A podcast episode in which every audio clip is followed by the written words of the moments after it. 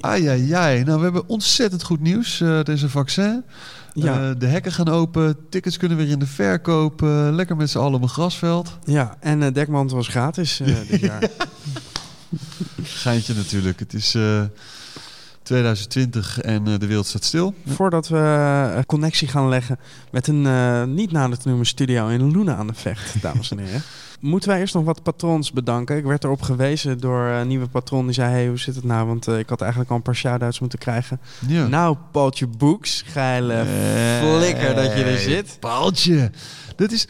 Paul, weet je, we hadden het al eerder over. Zo'n festivalseizoen is toch echt... Uh, je, je wereld wordt in één keer heel klein door die pandemie. Ja. Maar dat festivalseizoen, we hebben toch een parallele wereld met elkaar, weet je. En Paul is net precies ook iemand die, uh, nou, die mis ik gewoon dit seizoen. Absoluut. Ja, Dus, er zijn eh, een hoop mensen van wie ik denk uh, dat ik ze niet zal missen. Die, waarvan ik denk, die kunnen me gestolen worden. Waarvan ik er nu achter kom dat die me helemaal niet gestolen kunnen worden. Daar is. Paul er overigens geen een van. Want ik heb nog wel eens contact met die lieve jongen. Vraag me wel af, Paul, wanneer je weer zo'n kookvideo gaat maken. Want ik heb een paar hele goede gezien. Paul houdt van lekker eten. Ja, ja, ja. Thanks voor de support. Linde van Eerde uh, moeten we ook even noemen. Uh, met daarbij uh, toch de begeleidende tekst dat we snel een keer gratis bij je komen zuipen. En daarover dan niks tegen Laura zullen Nee, zeggen. tuurlijk niet. Hè, tuurlijk. Tegen Laura zeggen we niks. Welke Laura? Wie is Laura? Geen idee. Van de school? Ja, niet? nee, tuurlijk niet. Oh, nee, joh, misschien tuurlijk niet. wel. Daarnaast willen wij, uh, uh, voor de mensen die het gemist hebben, het kan hè. Uh, ik bedoel, als je niet op Instagram zit, heb je het misschien niet gezien. Maar we hebben nog een andere podcast, dames en heren. Hij heet The Best of the Best en is samen met Yus en J van New Emotions. Dus check dat ook even uit. Geef sterren en like alles. Doe dat ook voor onze Bakkie Bakkie podcast. Vergeet het niet. Schrijf een reviewtje alsjeblieft. Dan kunnen andere mensen ons vinden. En dan gaan we nu genieten van de vijfde aflevering in het derde seizoen Bakkie Bakkie met the one and only Betonkust.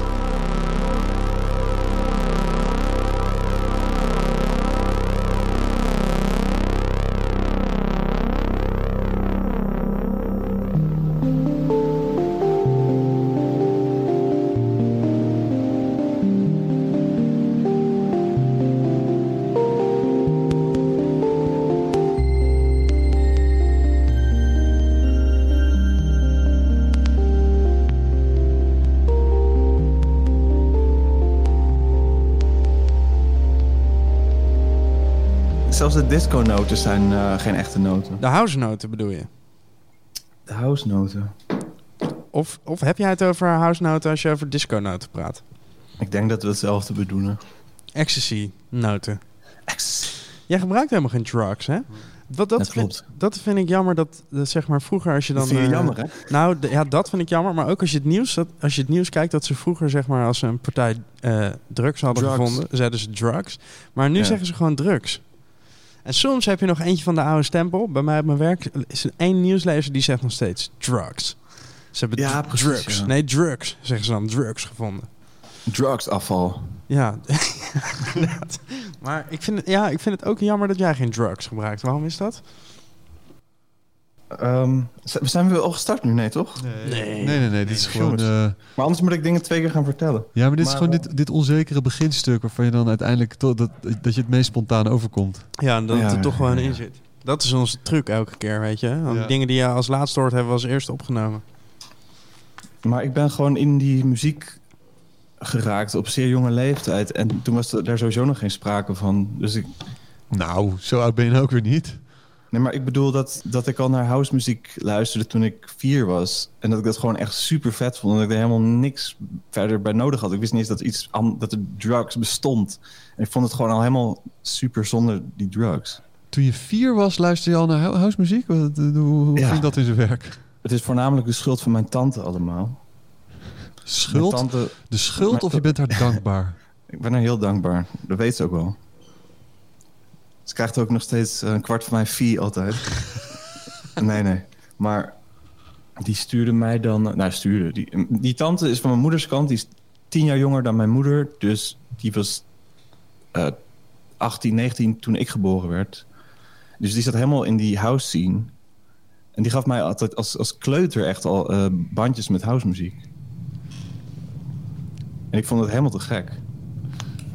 En dan eh, op, je, op je Walkman of gewoon op je cassette recorder en dan gewoon eh, de, de rondspringen? Ja, of ik had je- zo'n uh, ja, zo'n zo'n kindercassette recorder van een geel, rood, blauw ding. Weet je Ja. My First Sony. Maar, de- de- Waarschijnlijk was het van Sony. ja.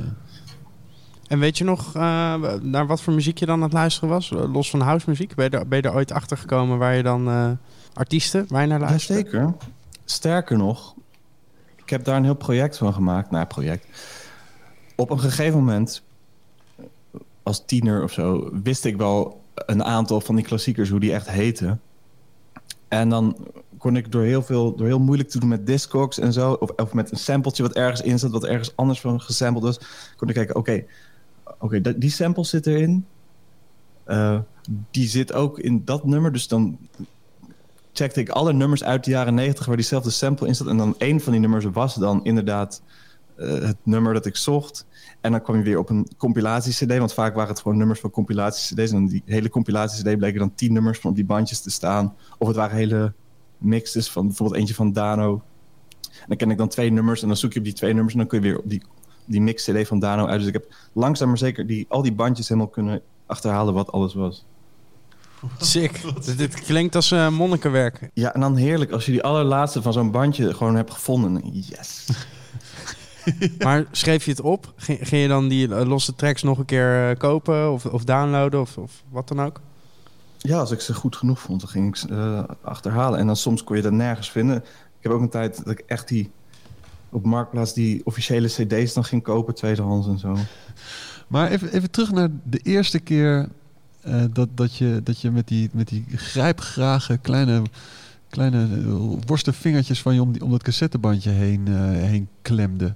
Hoe kwam het idee dat zij zo'n se- selectie of zo'n collectie aan jou ging geven? Ja, dat- waarom dat is, weet ik ook niet meer. Want was het haar zieke doordrammerigheid of, of, of jouw, jouw, jouw, jouw, jouw interesse? Ik denk dat ik misschien gewoon al goed reageerde op die muziek als dat op de radio was of zo. En dat ze dan dachten van, nou laten we hem een hele... Een heel bandje vol met die rotzooi geven. Is maar dat lekker is wel stil. gek, want sommige van die muziek... best wel agressieve DJ-mixes van eh, Bus, Fuzz en Dano en zo. Best wel heftig voor een kind van 4, 5 jaar. Ja, behoorlijk. En ook wel ja, dat- beschadigend. eh, Ik bedoel, eh, Ja, ik, was, ik, was, ik vond het helemaal te gek. is er één track waarvan je zegt, als, ik, als je aan die kleutertijd terugdringt, die, die, die, die gabber kleutertijd van je, dat er één track iconisch is? Nou, zo'n nummer als Edge of Motion, Setup 707 bijvoorbeeld. Die zat daar dan in. Op van, die stond dan op een van die bandjes. Dat is echt een heel eh, goed nummer. Die, die draai als het kan, draai ik die nog wel eens. Ja, het is vrij, vrij heftig. Als je dan aan het einde draait, dan kan je daar wel mee wegkomen.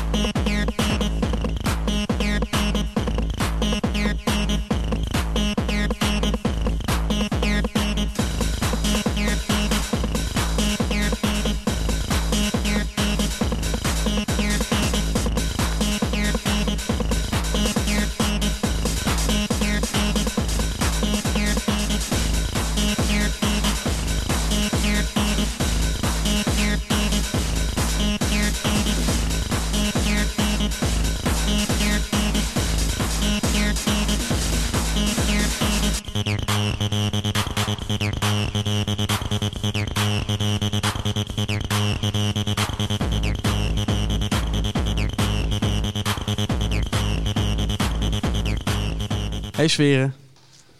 Hey, hey jongens. hey, betonkust, hoe is het? Ja, gaat best wel goed. Ja, wat fijn. Eigenlijk. Met ons, nee, ik zou even voor, met mij ook. Lief dat je het vraagt. ja. Nou ja, ik, ik weet wel ongeveer hoe het met jullie gaat. Want ik kijk wel iedere week de show. Ja, maar dat is De natuurlijk grote toch, quarantaine show. maar dat is natuurlijk toch een, eh, ja, een, een, een, een masker wat we daar opzetten. Hè? Diep van binnen, dat hebben wij ook gewoon echt gevoelens. Dus jullie geven je meer bloot bij Bakkie Bakkie dan bij de grote quarantaine show. Eh, Dat is een goede vraag. ja, denk het niet hoor. Nee, Denk het niet. nee. het is- Nou, ik heb net wel, eh, zet ik mijn arm even op tafel en toen eh, stak er een stuk glas in mijn arm van eh, een van die Jägermeister glaasjes die ik hier tijdens de stream Luister- kapot heb gegooid. ik heb vandaag... Ja, ik, vond het een, eh, ik vond het een ruige aflevering. ja, Ja. De ene laatste bedoel je? Van, die met die glaasjes en met dat, met dat eh, scheren, met die tondeuzen. ja. Dat was, eh, Dat was een beetje, een beetje recalcitrante, broeierige, gekke sfeer. Een beetje edgy. ja, een beetje edgy. Maar ja, ik bedoel, wij zijn- Zeker. moet je je voorstellen dat je al negen weken achter elkaar hier op zaterdagavond... eh, eh, met eh, acht Bacardi Cola's in, tussen je ogen... Zero, hè? Zero. Zero. Ja. En, eh, en, en iedere keer zo'n programma probeert te maken. Dat is gewoon Ja, va- vallen, en, vallen en opstaan. Maar ik heb vandaag eh, heel veel opgeruimd en er was overal glas, Justin. Ja. Echt serieus. ja, het was sowieso niet mijn idee, hè? Jij, jij wilde het per se. Jij was me aan het Oh. pushen om die glaasjes te gooien. Ja, maar het leek me gewoon... En toen ik er één had gedaan, heb ik er nog een paar achteraan gegooid. Waarschijnlijk zijn dat al die splinters die we nu tegenkomen. Ik zag de twijfel. Ja, hè? maar toen ik over die streep was, toen ging het er ook Ja, wel echt voor. Ja, en dat was ook goed. Wel goed, toch? Ja. nee, zeker. En Ja. we hebben nog de, de afgelopen week nog een eh, nieuwe track van jou gedraaid. Ja. Tenminste, jouw naam Ja. staat er niet zo, zo groot op als die van Faber Ja, dat was een aangename verrassing. Dat vond ik wel leuk. Ja, ik had hem ook expres niet aan jou gevraagd, maar aan hem. Zodat ik eh, wist dat ik jou ermee kon verrassen als je aan het kijken was. Ja, thanks. Hoe gaat dan zoiets in zijn werk? Vraagt hij jou om een beat en eh, krijg je het dan weer terug en dan is het een heel ander ding? Ik had hem nog nooit ontmoet. Een paar jaar terug. Toen kreeg ik een e-mail van hem. Van, ik vind je muziek cool. Heb je nog wat eh electro-nummers waar ik overheen kan rappen? En toen heb ik hem een paar nummers gestuurd. En dan een tijd niks gehoord, zoals dat gaat. In de tussentijd had ik hem wel een paar keer ontmoet. Bij, ehm, met uh, Stippenlift samen, een vriend van mij, Hugo. Want die hadden toen een album samen. En later kreeg ik die, eh, dat nummer terug met eh, rap erop. Het, het nummer heette eerst Zelfkant. De instrumental heet Zelfkant. Is ook uitgekomen bij eh, 030 303 uit Utrecht. Op een eh, compilatie-cd. En nu eh, heeft eh, Pepijn heeft er gal en gal van gemaakt. Ik vond het best wel goed. Tussen half en heel elf. Ik mag wat denken van mezelf. Hele week voelt als maandag. Blauw als belastingaanslag. Heel mijn ziel leeg geknuppeld. Speciaal als een regendruppel. Aura de kleur van beton. Parfumgeur van karton. Mijn hoofd gaat niet uit. Vergadering loopt wat uit. Mensen kijken in mijn ogen. Er is daar toch niks, dus ze mogen. Ik wil niks meer voelen. De wereld maakt me moe. Ik weet wat vanzelf helpt, dus dit is wat ik doe. 11 uur 's ochtends in de gal en gal. Ja, het was ook een beetje lastig, want ik had dat nummer hier gewoon gemaakt in de studio. Best wel live, als in één take. Ah. En ook ge- geen losse sporen of zo. Dus ik kon niks meer harder of zachter zetten. Dus het is, het is echt die instrumental. En dan Pepijn vroeg van, ja, kan je misschien nog een beetje mixen? Ik zei, ja, eigenlijk niet. Ik kan alleen de vocal harder of zachter zetten. Maar het is ook wel een beetje... Ook wel de charme of zo ervan. ja. Ja, en lekker duurzaam. Dat hij er zo een keer uit was gekomen en dat je het daarna gewoon eh, zonder, Ja. zonder extra effort nog een keer uit kan brengen. Maar ik weet dat eh, Pepijn is ook best wel fan van eh, de Haagse electro sound of de West Coast sound of Holland. ja. Want hij had al een keer een nummer van Lego wat ook een beetje hetzelfde meegedaan, maar dan zonder Danny te vragen, geloof ik. Klopt, ja. Ehm, was, was uiteindelijk geen succes, hè? eh, op dat moment geloof ik dat, dat Lego wat er iets van zei of zo, of, of een, een YouTube-comment had gegeven van, huh, gaat dat zomaar zonder te vragen of zo? Maar eh, volgens mij maakt het allemaal niks meer uit nu. Maar, maar dus, ja, ook een best wel lo-fi electro-nummer en dan gewoon een rap vocals eroverheen. Dat was volgens mij op het grote gedoe 2. En dus nu zoiets soortgelijks of zo, denk ik. En, maak je normaal wel eh, in, in sporen tracks? Of, of meer gelaagd? Of is het altijd een, vanuit een soort jam, eh, jam sessie? Ik probeer dat nu de laatste tijd wel iets meer in eh, sporen los op te nemen. Want die... Ja, probeer eigenlijk een soort middenweg te vinden, maar... Het is heel leuk om spontaan gewoon iets te maken en het live op te nemen en er niks meer aan te doen. Maar dan luister je dat een paar dagen later terug en dan denk je van... Ja, die snare staat echt veel te hard. Gewoon dat mensen doof worden ervan. En dat heeft zo'n nummer wel veel meer potentie als het iets beter afgemixt zou zijn. Dus ik probeer een beetje van lo-fi niet naar hi-fi te gaan, maar ik probeer nu van lo-fi naar mid-fi te gaan. Midfi. Dus een beetje nog charme, maar niet te gepolijst, maar wel een beetje draaibaar. Het moet wel in een club gedraaid kunnen worden. Kunnen we een stapje terugnemen, Sfeer, naar... naar eh, Of moeten we Kevin zeggen? Oh, een van mijn eh, fake namen graag, ja. Nee, nee, nee. Daar ben ik helemaal overheen. Stel nou dat je zeg maar je eigen naam mag kiezen. En dat je dan eh, Kevin kiest. Vertel me even hoe dat dan, eh, hoe dat dan werkt. Eh, Kevin was een jongen waar ik een heel erg hekel aan had. En ik dacht van... ja, ik gebruik zijn naam gewoon. Nou, het is ook gewoon een super generieke naam... die ook internationaal heel makkelijk is. ja, Kevin, Kevin En Miller. ik denk dat als je, als je Kevin Miller opzoekt op Discogs... denk ik dat er, dat er dan honderd zijn of zo. Ja, en, en ook een, een heleboel quarterbacks, heb ik het idee. Kevin Quarterbacks. Miller, quarterback Ja. van, de, van, de, van de Southampton Dolphins. Dat is een eh, sportterm, hè? Ja. Sportterm, ja. Ja, daar zit ik niet in. Helemaal geen sport? Nee, maar ik fiets wel veel. Maar dat kan ook niet anders, want ik woon eh, ver van alles. Ja, want waar woon je nou ook alweer? Ja, ik woon op dit moment nog in Loenen aan de Vecht. En dat is dus niet in Zuid-Holland. Nee, inderdaad. Nee, nee, nee. Dat is tussen Utrecht, Amsterdam en Hilversum in. Tussen Utrecht, Amsterdam en Hilversum. Ja, je, je Ja. oogt zo ehm, zoals iemand uit Zuid-Holland eigenlijk. Vind ik. Maar ik voel me ook wel heel erg Zuid-Hollands. Omdat hier de Ik West wel Coast echt, zit. eh, Ja, nee, ik voel me altijd wel heel goed in Den Haag en Rotterdam eigenlijk. Maar kom je dan oorspronkelijk ook uit Loenen aan de Vecht? Ja, altijd. Ik heb hier altijd gewoond. Wel in meerdere huizen, maar wel altijd hier.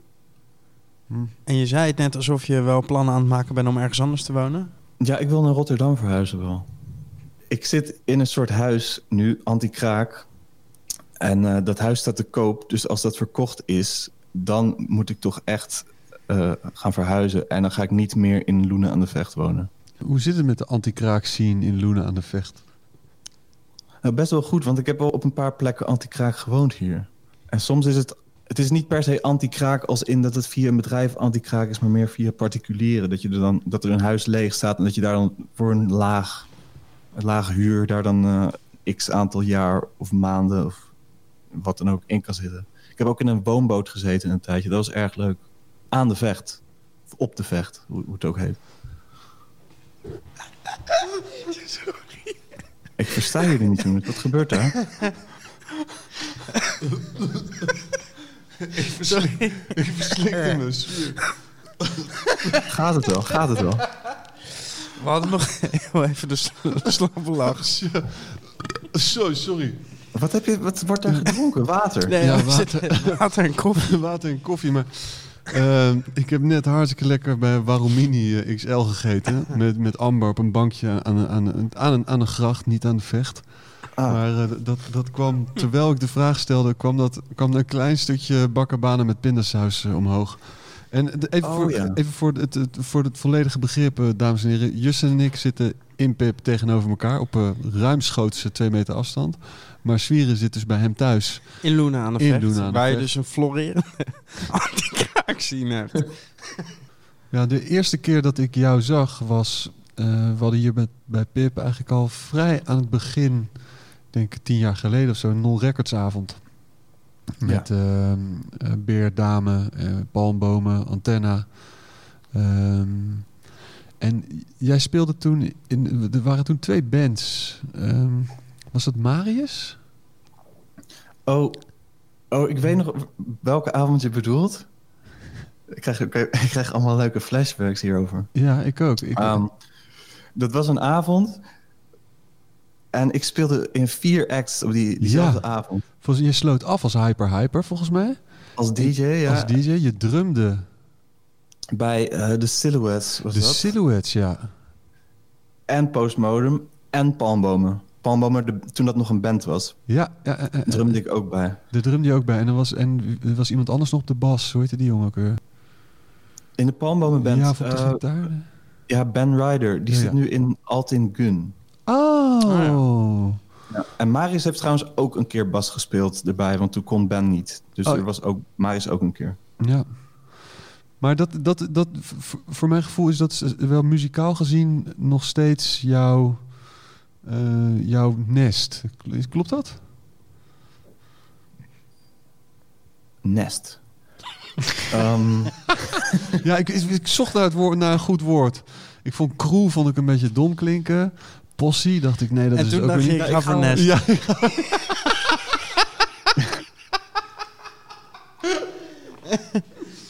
Ik ga met al die mensen nog wel om, ja. Kai, Palmbomen, Palmbomen 2 eh, werk ik wel regelmatig mee samen, sowieso. Marius, die zie ik ook nog wel eens. Nou, sterker nog, we zouden... Ik zou draaien in Perron met Kai, dus met Palmbomen.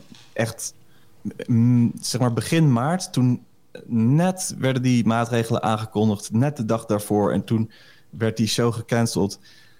Dus dan zou ik back-to-back met Palmbomen draaien. Maar daarvoor zouden we dan eten met de hele non-records crew van eh, vroeger. Dus met Marius en Beer en Sasha en Kai en ik. Zie je nou? Dat is precies dat nest waar Steven het over dit heeft. is, dit Ja, is dat warme precies. nest.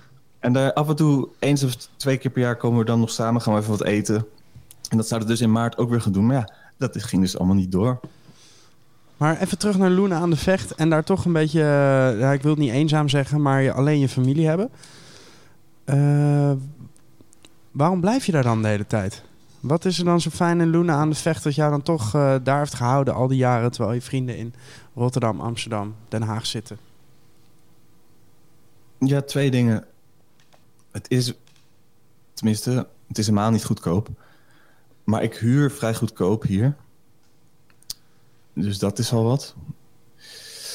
En, eh, wat was dat tweede nou? Ik, ik begon een opsomming. En oh ja, ook een stukje luiheid gewoon. Want het is, wel, het is ook net comfortabel genoeg. Het is niet dat ik heel hard op zoek moet of zo naar iets anders. En hoe was het dan om eh, op te groeien in Luna aan de Vecht?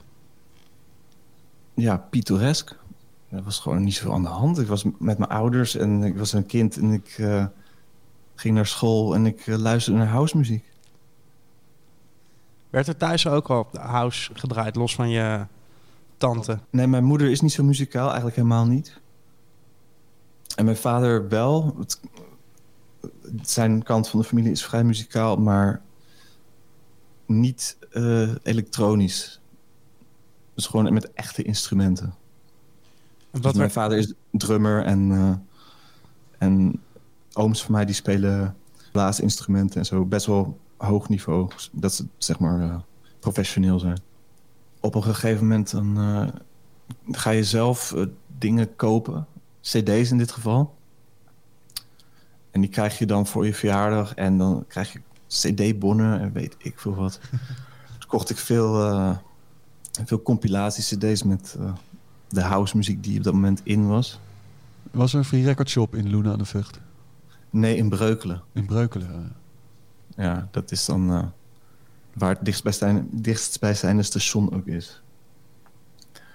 drie kwartier fietsen. Eh nou ja, 25 minuten of zo. Maar daar zat ook mijn middelbare school, dus daar waren we wel redelijk vaak in Breukelen. En vond je op de middelbare school meer mensen die ook eh, housemuziek... Nee, totaal niet. Wat was er in? Ik zat van 2000 tot 2006 op de middelbare school. Nou, kan me echt weinig goede nummers herinneren die toen in de top 40 stonden of zo. Het was al helemaal niks. Maar ik had wel een neef. Ik heb een neef. Hij leeft nog. En die is één jaar ouder dan ik. Dus die was dan net iets sneller daarmee. En die eh, raakte opeens helemaal in de, in de techno en eh, electro. Vanaf, ik denk vanaf 2000, 2001. En die begon ook cd's te branden en aan mij te geven. Ik had inmiddels een cd-speler. Dat, dat werd toen eh, het nieuwe ding, cd's. En hij was vrij snel met het illegale downloaden en eh, cd's branden en, internet. Dus die gaf mij af en toe een cd met wat eh, techno en eh, house en electro dingen. En nou ja, dan had je inmiddels zelf ook internet en dan kon je op die artiest zoeken die hij dan op die cd's had gezet. En dan via die artiesten kom je weer bij labels en bij andere platen. En, maar dat was allemaal nog vrij... eh,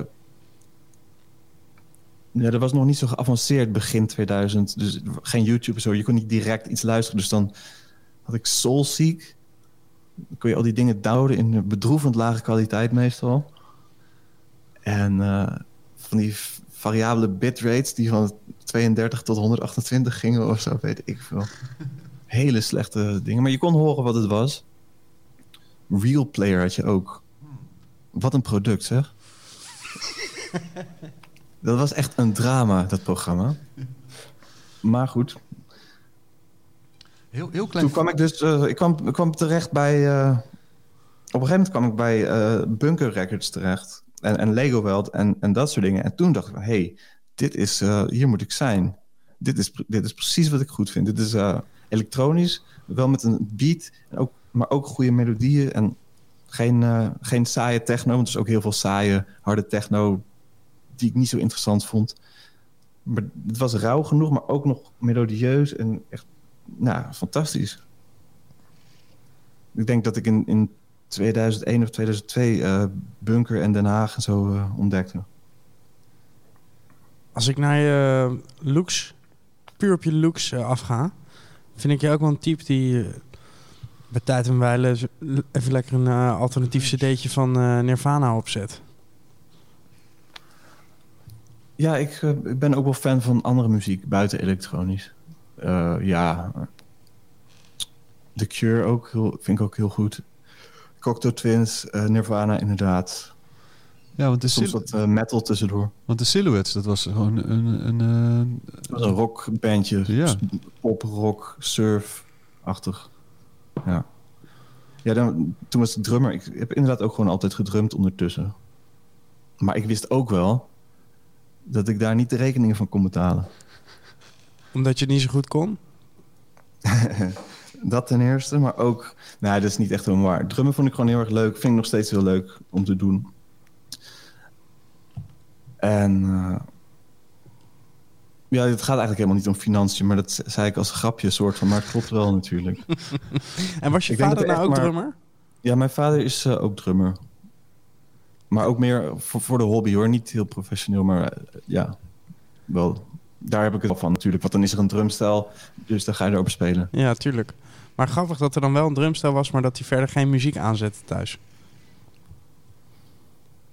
Ja, er werd gewoon niet zoveel geluisterd. Ja, ik weet ook niet waarom. Nou, geeft niet. Maar eh, het klopt wel wat ik zei. Want ik denk dat er heel weinig drummers in Nederland zijn... die rond kunnen komen van puur drummen. Of je moet echt in Kensington zitten of zo. Ik denk echt dat je in... in of je moet in vier bands zitten en lesgeven. Want het, het Ja. is natuurlijk een band... die met vier of vijf man zijn. Of vrouw, kan ook die dan ook hun eigen licht en geluid en al die... Er blijft denk ik heel weinig geld over van eh, optredens. Ik denk niet dat je dat... eh, Nee, er zijn echt heel weinig bands in Nederland die daar echt goed van eh, kunnen leven. Die kan je denk ik op twee handen tellen. ja, en... Marco Borsato. Ja. nou ja, vroeger, vroeger misschien wel, want dan had je die plaatverkoop nog... waar je gewoon van kon leven in principe. Dat is wel interessant. Want vroeger waren de live shows waren promotie voor cd-verkoop... En op een gegeven moment was er geen cd-verkoop meer. Dus moest er geld verdiend worden met live shows. Dus die live shows werden of duurder of kariger. Ik weet niet precies hoe ze dat gedaan hebben. Maar dan kreeg je dus ook steeds... Ja, kreeg je waarschijnlijk steeds meer DJ's. Omdat je dan maar één man of vrouw neer hoeft te zetten. Dat is, eh, dus dan kan één persoon meer geld verdienen. Is ook goedkoper voor de venue. Ik denk wel dat het ook een, eh, een ding is geweest. Dat doordat er geen cd's meer verkocht werden... dat het ook lucratiever was om een DJ neer te zetten. Dat sowieso. Als je, je weet gewoon als, er, eh, als je op een festival bent waar ze een paar nightliners eh, voorbij hebben komen... dat ze super veel geld moeten uitgeven aan de hele productie. Ja, precies. En je- dan komt er gewoon een crew van eh, tien mensen... in plaats van één of twee. Ja. Hey, en, op welk moment in je leven begon je met draaien? Ja, ik ben eigenlijk geen. niet, dat- Oh, dat kan ik niet zeggen. Dat mag niet zo stil, denk ik. Niet echt een DJ. Ik vind mezelf eigenlijk... Ik zou niet zeggen als mensen vragen wat doe jij, zeg ik niet van ik ben een DJ. Wa- wat zeg je dan wel? Dan zou ik eerder zeggen dat ik eh, producer ben. Of elektronische artiest, weet ik veel. Maar DJ... Ik, ik ben begonnen als... eh, echt met muziek maken gewoon. Ik begon met eh, FL Studio. Hmm. Illegale kopie van FL Studio op een eh, cd'tje gekregen. Fruity Loops toen nog. Mhm. Voor Intimi. Ehm, eh, toen begon ik dus een beetje te klooien daarmee, muziek te maken. Dat vond ik heel erg leuk. En eh, toen kwam ik er al vrij snel achter dat ik het een beetje saai vond om alleen met de computer te werken. Dus toen dacht ik, oké, ik moet iets kopen, een drumcomputer of zo. Nou, las ergens dat Lego wel heel erg fan was van de Boss DR660 drumcomputer. Dus ik dacht, nou, ja, even kijken, waar kan ik die vinden? Nou, op Marktplaats stond zo'n ding ergens, 150 euro of zo. Dat ding maar besteld. Ik wist helemaal niet hoe dat klonk of zo. Er was helemaal geen, ja, hoe moet ik dat weten? Maar ik dacht, voor dat geld, ik koop gewoon een drumcomputer. Kijken wat ik ermee kan. En anders verkoop ik hem weer, toch? Ja, Marktplaats. Ja, ik had het ding besteld. En toen heel gek was er een jubileum van mijn middelbare school. In diezelfde week of zo. Ik moet het even goed uitleggen. Ik probeer me te herinneren. Ik wil geen fouten maken hiermee. Nou ja, de- die middelbare school had een jubileum. Gingen we met de hele school naar Disneyland Parijs. Gewoon 800 of 1000 mensen. Dus allemaal bussen. Heel raar dat daar budget voor was ook, maar goed. Wat een operatie, joh. Ja, maar dat, dan gingen we vrijdagavond, gingen we, of vrijdagnacht, om een uur of twee, drie s'nachts, gingen we dan verzamelen met de hele school bij een parkeerterrein waar die bussen dan zouden komen. En dat gebeurde ook allemaal. Ehm, ik snap helemaal niet dat dat kon eigenlijk, zo'n eh, gigantische operatie met al die kinderen s'nachts. Ik denk dat het nu niet meer zou gebeuren. Maar goed, dat is eh 15 of 20 jaar geleden. Anyway. Dus we waren vrijdagochtend gewoon opgestaan om naar school te gaan. Gewoon de vrijdag, normale schooldag. Dan die vrijdagavond om een uur of één, twee s'nachts verzameld om naar die bussen te gaan. Nou, dan was het de bedoeling dat je wel thuis even een paar uur had geslapen of zo. Maar ja, hoe kan dat? Ja. Je gaat met de hele school naar Disneyland Parijs en dan wat ga je dan van, van 11 tot 2 slapen of zo? Een onzin. Zenuwen gieren door je lijf natuurlijk. Wist je al naast wie, je, naast wie je ging zitten in de bus? Nee, nee, dat was nog ook heel, heel stressvol, ja. Maar je moet wel naast een leuk persoon komen, want je moet toch zes uur in die, of zeven uur in die bus zitten. Ja, precies. Ja. Maar er was niet één Anyway. iemand waarvan je zeker wist dat je ernaast ging zitten. Nee, nee, nee. nee. Hm. Wat ging er? Oh ja, dus we gingen naar, Dis- we gingen naar Disneyland Parijs Ja. met die hele club. Ik denk dat we daar om tien uur 's ochtends aankwamen of zo. Hele dag in dat pretpark. Ja, hartstikke leuk. Ik kon mij allemaal niet zoveel interesseren, maar goed. Niet? Ik vind je echt zo'n Disney-freak. Nee, helemaal niet. Interesseert me helemaal niet. Ik vond die busreis veel gezelliger eigenlijk. Maar goed, de hele dag in dat park. S'avonds weer terug met die bus. Met- Of, ja. Dus we kwamen terug om eh, nou ja, de nacht van zaterdag op zondag. Om een uur vier s'nachts of zo. En er werd helemaal niet geslapen. Of zo. Daarom vind ik het zo raar dat je met duizend kinderen daarheen gaat. Wat een heftige dag, man. Ja, dus dan ben je dus op geweest van vrijdagochtend tot de nacht van zaterdag op zondag. Dus echt iets van 40 uur. Nou ja, allemaal prima, leuk. Maar ik had het erover door die drumcomputer. Oh ja. Want ik kwam thuis, ik kwam thuis vroeg in de Maar is zondagochtend. niet, sorry hoor, Sferen, maar het is niet oké als schoolleiding om duizend kinderen 40 uur wakker te laten zijn. En dan ook nog eens een keer met in, in, in, in, in, in, dat- in het emotionele carousel van Disneyland met Mickey Mouse. Die staat te schreeuwen om aandacht. En Goofy met die tanden. En, en, Anderhalf uur in de rij bij de Space Mountain. Suikerspinnen, eh, hotdogs. Wijnballen. Ja, Ja, die Space Mountain, daar, daar stond dus helemaal niet zo'n dikke rij voor. Ik kan me echt herinneren, ik ben echt vijf keer in die Space Mountain geweest achter elkaar. Ja, want jullie waren daar midden in eh, de nacht. Maar goed. Ja, het is inderdaad een belachelijke operatie. Ik denk ook dat ze het nu echt niet meer voor elkaar zouden krijgen. Maar toen, begin 2000, kon dat nog of zo, weet ik veel.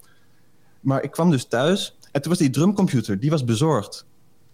En ik was dus doodmoe van 40 uur wakker zijn of zo. En toch moest ik die drumcomputer, dat pakketje uitpakken. En dan ben ik nog in bed, want die, die Bos is een heel klein drumcomputertje. heb ik die nog aangezet. En ja, even al die, al die drumkits gecheckt. Oh ja, 808 kits zit er ook in. Ik was helemaal hyped, helemaal gek. Ik dacht van ja, dit is helemaal fantastisch. Dus ik kon het niet laten. Ik kon niet het pakketje nog een dag laten staan. Ik moest het meteen openmaken. Dat, is, eh, dat was denk ik wat ik wilde zeggen met dit uitgebreide verhaal. Oké. Ja, dat was wel nodig. dus eh, dat was dus het ding. Ik begon dus met eh, produceren met software, dan wel met hardware. En hoe lang... En later is dat... eh, sorry? ja, later is dat? Nou, echt, pas toen ik twintig was, ben ik eh, gaan proberen te draaien. En hoe lang zat er dan tussen het, het un- unboxen van die eh, drumcomputer en het de, de releasen van je eerste track? Ja, dat hangt er een beetje van af. Ik heb wel wat eh, nummers gehad op compilaties, maar dat was dan alleen digitaal. En dat waren dan compilaties, stonden 60 nummers op en zo. Dat is allemaal niet zo professioneel. Dus, maar dat vond ik toen al heel wat. Ik weet niet eens of dat op Discord staat. Dat wa- was echt een soort van hobbyist die dan via internet allemaal nummers van allemaal mensen Via MySpace of zo? Nee, nee, nog voor MySpace. Het ging via een forum, via Clubcharts forum. Ik weet niet of je dat kent. Nee. Zo'n geel forum. Geel was dat. Ja, ik, zit, ik zat heel weinig op fora. Ja, dat was toen helemaal hip, joh. Maar eh, nee, dat weet ik. Maar ja, ik zou het niet echt als een echte release eh, noemen. Bestempelen. Wat is dan voor jou je eerste echte release? Ik denk mijn eerste vinyl release was een eh, was op Non Records een, een remix van een nummer van Kai. En dat was een soort 90s remix met eh 909 en eh, zo'n house orgel en house piano en zo. Het was een soort halve, nou dat is niet echt een grap, maar het was wel echt een soort van in expres heel erg in 90s stijl gemaakte remix. Op die eerste non-records plaat staat hij. Maar die 90s is sowieso wel een, een, soort onuitputtelijke inspiratiebron voor je, toch? Ja, ja, denk het wel, ja. Maar dat is niet expres. Nee, Dat is, ehm, per ongeluk of expres kapot is kapot, hè, Sfeer? er is geen, eh, geen spel tussen te krijgen. nee, dat klopt. Ik heb toch wel een soort fascinatie met die eh, jaren 80 en jaren 90 eh, elektronische muziek op de een of andere manier. Maar als je een beetje met hardware werkt, dan gaat het denk ik ook automatisch. En dan wordt het automatisch al iets meer die kant. Omdat het niet striel 2000 plus klinkt of zo. Dus je gaat automatisch een beetje die kant op, ook door de beperkingen. Dat is ook de charme, maar dat is dan... Of dat dan per se eh, retro is of zo, weet ik niet. Dat is gewoon jezelf... Ik, ik maak het nu in 2020 met middelen. Ja. Ja, ik ben natuurlijk heel erg beïnvloed eh, erdoor, maar... Het is niet dat ik daar naar op zoek ben. Waar ben je wel naar op zoek dan? Het perfecte nummer. Perfecte crossover nummer. Nee, eh, Crossover? De- crossover tussen wat? dat je dan toch een hit hebt met een eh, in eerste instantie underground nummer. Dat lijkt me wel leuk. Huh. Gewoon een hit. Eh, als in eh, gewoon in de top 40. Desnoods. Nee, maar ik bedoel zo'n bijvoorbeeld wat IF had met Space Invaders of zo. Dat is gewoon heel leuk, want dat is een supergoed nummer. Eigenlijk underground. Dat wordt dan toch een succes, zonder dat hij daar verder een compromis voor heeft gesloten. Hmm. Dat is leuk. Dus je moet er niet, je moet er helemaal niet bewust naar op zoek. Dat Nee, moet een keer gebeuren het over- moet je overkomen. Dat, en, Ja. maar uiteindelijk denk ik is toch het doel als je muziek maakt, als je iets maakt, dan eh, wil je toch dat zoveel mogelijk mensen daarvan kunnen genieten of het kunnen horen of het waarderen of wat dan ook, weet je. Ja, niet? ja, dat is. Ja, in principe doe je het voor jezelf en dan is dat een leuke, zeer leuke Ja, bijkomstigheid. als je, het, als je het echt alleen maar voor jezelf doet, dan breng je het ook niet uit, toch? Dan boeit dat je ook niet. Ja, het is ook niet zo zwart-wit. Het is gewoon een eh, soort eh, taartdiagram met meerdere punten. Kijk, daar, daar hebben we wat aan. ja. Snij voor mij maar een stukje af dan. Sferen, hoe, hoe is die non-records crew eigenlijk bij elkaar gekomen? Hoe is dat, hoe is dat ontstaan? Ik ga ook eerlijk proberen te antwoorden. Heel graag. Want we hadden een soort van persverhaal, volgens mij, altijd. Wat half waar was. Wat dat was we het? elkaar hadden ontmoet bij eh Daft Punk live in de Heineken Music Hall toen nog. Oké. Daar Eh, was ik in ook. 2000 2007, ja. Daar waren we ook allemaal. Eh, Maar dat is niet helemaal zo gegaan. We waren er allemaal afstand, eh, afzonderlijk van elkaar. Wel. Maar eh, Kai Palmbomen, die kende Beer Dame. De, eigenlijk de, beetje de, de oprichter van het label. En die, zat dan weer, die had dan weer op school gezeten met Sasha, Antenne, Renkas. Die hadden samen in eh, Arnhem op school gezeten, grafische dingen. En Marius trouwens ook. Dus die, drie zaten al bij elkaar. Beer en Sasha en Marius. En ik weet niet meer precies hoe Kai nou Beer heeft ontmoet. Dat is, want ik ben eigenlijk als laatste van de vijf een beetje bijgekomen. Ja, toen gingen we elkaar gewoon nummers sturen en eh, dingen laten horen en afspreken. Een beetje klooien met muziek. In, op een gegeven moment woonden Kai en Beer, die, hadden een, eh, die deelden een appartement in Amsterdam. En dat werd dan een beetje het headquarters. Hadden ze dan allebei een studiootje en eh, ja, dat is heel gezellig. Maar dat vonden jullie een beetje matjes klinken. Dus toen hebben jullie gezegd dat jullie elkaar hebben ontmoet bij een Daft Punk concert. Ja, want we hadden heel erg het idee dat je de media compleet moest manipuleren. En dat je altijd maar beter een goed verhaal kon vertellen dan een saaie realiteit. Ah, Want het is geen. eh, het is niet alsof er doden vallen als je niet de waarheid vertelt in, in de muziekindustrie of zo. Je kan gewoon alles bij elkaar verzinnen. het is absoluut beter een goed verhaal dan... eh, Ja, Een slechte maar het is- realiteit. als, het, als je het hebt over oorlog of zo, dan is het een ander verhaal. Maar in de muziek, ja, eigenlijk moet je gewoon naar die muziek luisteren. En het maakt het allemaal niet uit verder. Maar toch, we doen dit ook, want het is ook leuk om erover te praten. Ja. Maar dat is niet het belangrijkste. Heb je nog een voorbeeld van een, eh, van een leugenachtig verhaal? Ik heb er nog wel eentje, Hm. denk ik nu. Want op een gegeven moment had eh Beer Dame had een eh, 808, een echte 808 gekocht. Die waren toen trouwens nog helemaal niet zo hysterisch duur als dat ze nu zijn.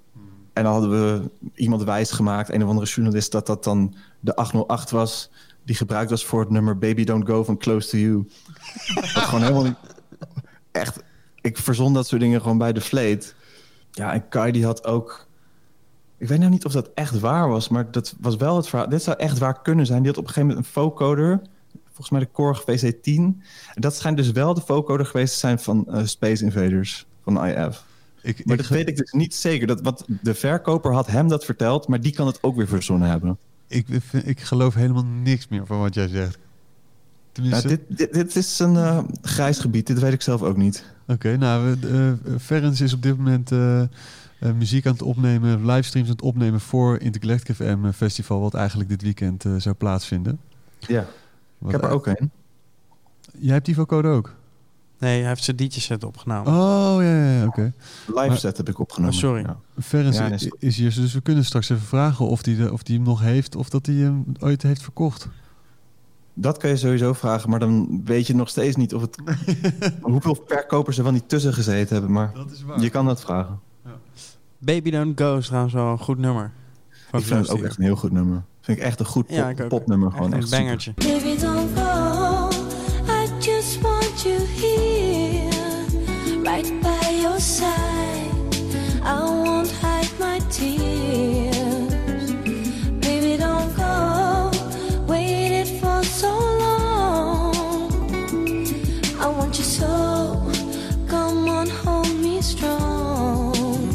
dat is een uh, zusternummer van eh, Somebody Else's Lover van Total Touch. Als je Inderdaad, en dan, ja.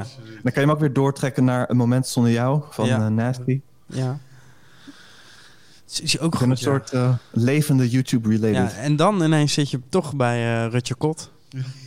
Zon- Zonder dat je er eigen hebt. Toch? Ik zou geen nummer van haar kunnen noemen, weet je dat? Ja. Hoe heet dat, die ene pokoe nou van haar? Ik voel je adem bewegen als je voor me staat.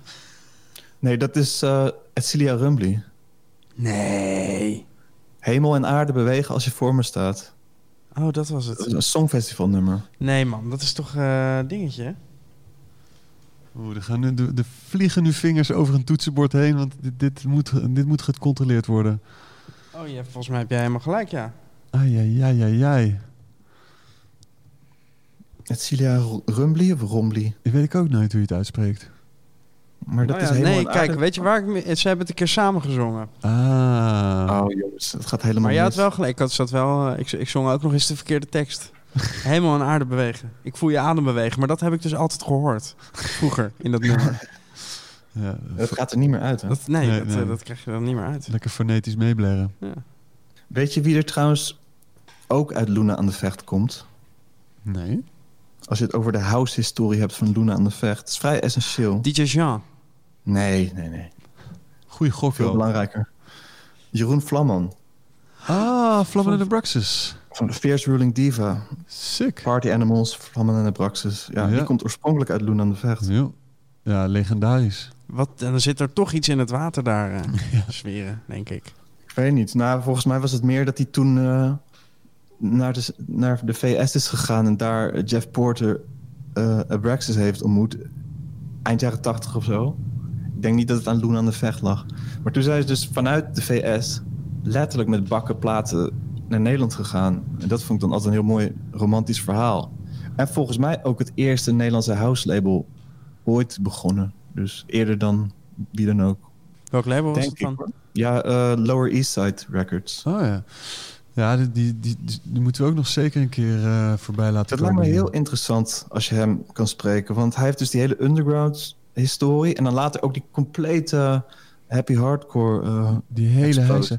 Heel gek hoe zij die, die, die, eh, die sprong hebben weten te maken. En is, is absoluut fascinerend. ja, vind ik zeker. Ja. Ja. Maar daar hadden natuurlijk die jongens op het podium staan, de party animals. Dus dan konden ze zelf iets meer op de achtergrond. Ja, die eh, heftig dansende... Veel, veel, Die, ook, die worden ook steeds geüpdate als een soort K3. Hè? Dus ieder jaar Ja, komt soort- er weer een nieuw bij. een soort Banger Boys eh, idee. Party Animals. Ja. Maar Echt, een, echt een goede naam. Echt een goede naam. Ja.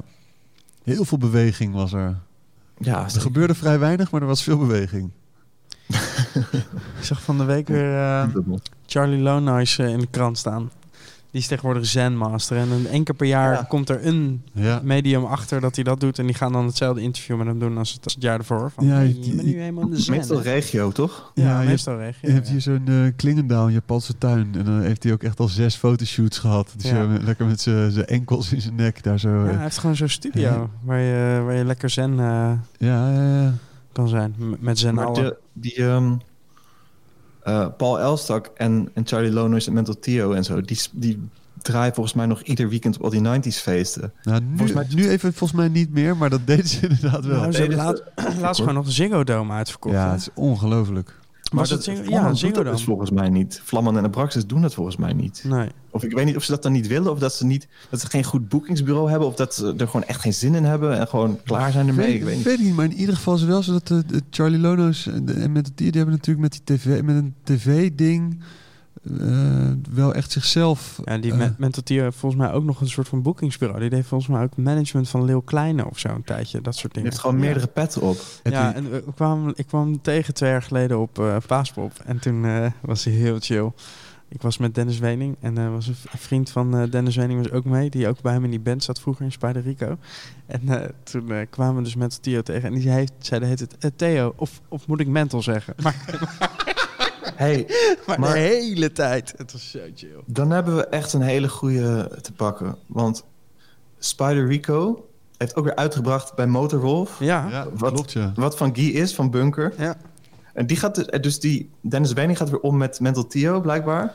Nou ja, die komt hem wel eens tegen ook, ja. En Mental Theo die zat dan weer in, eh, in de film Terrorama van Edwin Brine. Waar ook weer eh, IF in zit. En Theo van Gogh. En eh, nog een paar figuren. En Robbie Muns. Allemaal in één film. Dat is echt heel bizar. Wow, echt? Robbie Muns, dat is ook echt een, een, een, een topvent, hè? Met een, Ja, die, die zit nou in een meubelhandel. met een, Ja. mis je het wel eens in een bandje spelen? Gewoon lekker drummen in de plaats van in je eentje aan alle knoppen zitten? Ja, dat mis ik wel eens, ja. Maar het, ik heb er wel eens over gedacht. Ik heb zelfs wel eens geprobeerd of zo met een bandje. eh, In eh, DB's heb je dan in Utrecht, die eh, oefenstudio. Alleen, wat je dan dus krijgt, dan op een gegeven moment willen die ook optreden. En dan heb ik een, een soort elektronische carrière die dan toch wel voorgaat. zeg maar ook financieel gezien. Want ja, dan ga je dus gewoon data krijgen die samenvallen, weet je wel. Gewoon, oh ja, maar dan willen zij dan, en dan kan ik precies weer niet. Ja. Dus op die manier is dat wel een beetje lastig. Maar er was, er was dus wel een bandje. De- en er- Nee, nee, nee, heel... eh, oh, ja. Heel Ja, vroeg stadium. Vroeg stadium, pril. pril Ja. stadium. Ja, dat Ja. een- met een beetje plannen kan dat wel, toch? Nou, eigenlijk niet. Want dan, dan zit je dus constant die andere gasten in de weg. Omdat ja, zo- hij kan weer niet op vrijdag en zaterdag. Ja, nou ja, dan zit ik dus allemaal optredens voor die andere guys te belemmeren. Ja, dat schiet niet op. Dus het is een beetje onhandig. Maar drummen is gewoon heel lekker om te doen. Hmm. Ook als een soort workout. Want dan, ga ik ook wel... eh, ga ik niet zacht slaan of zo.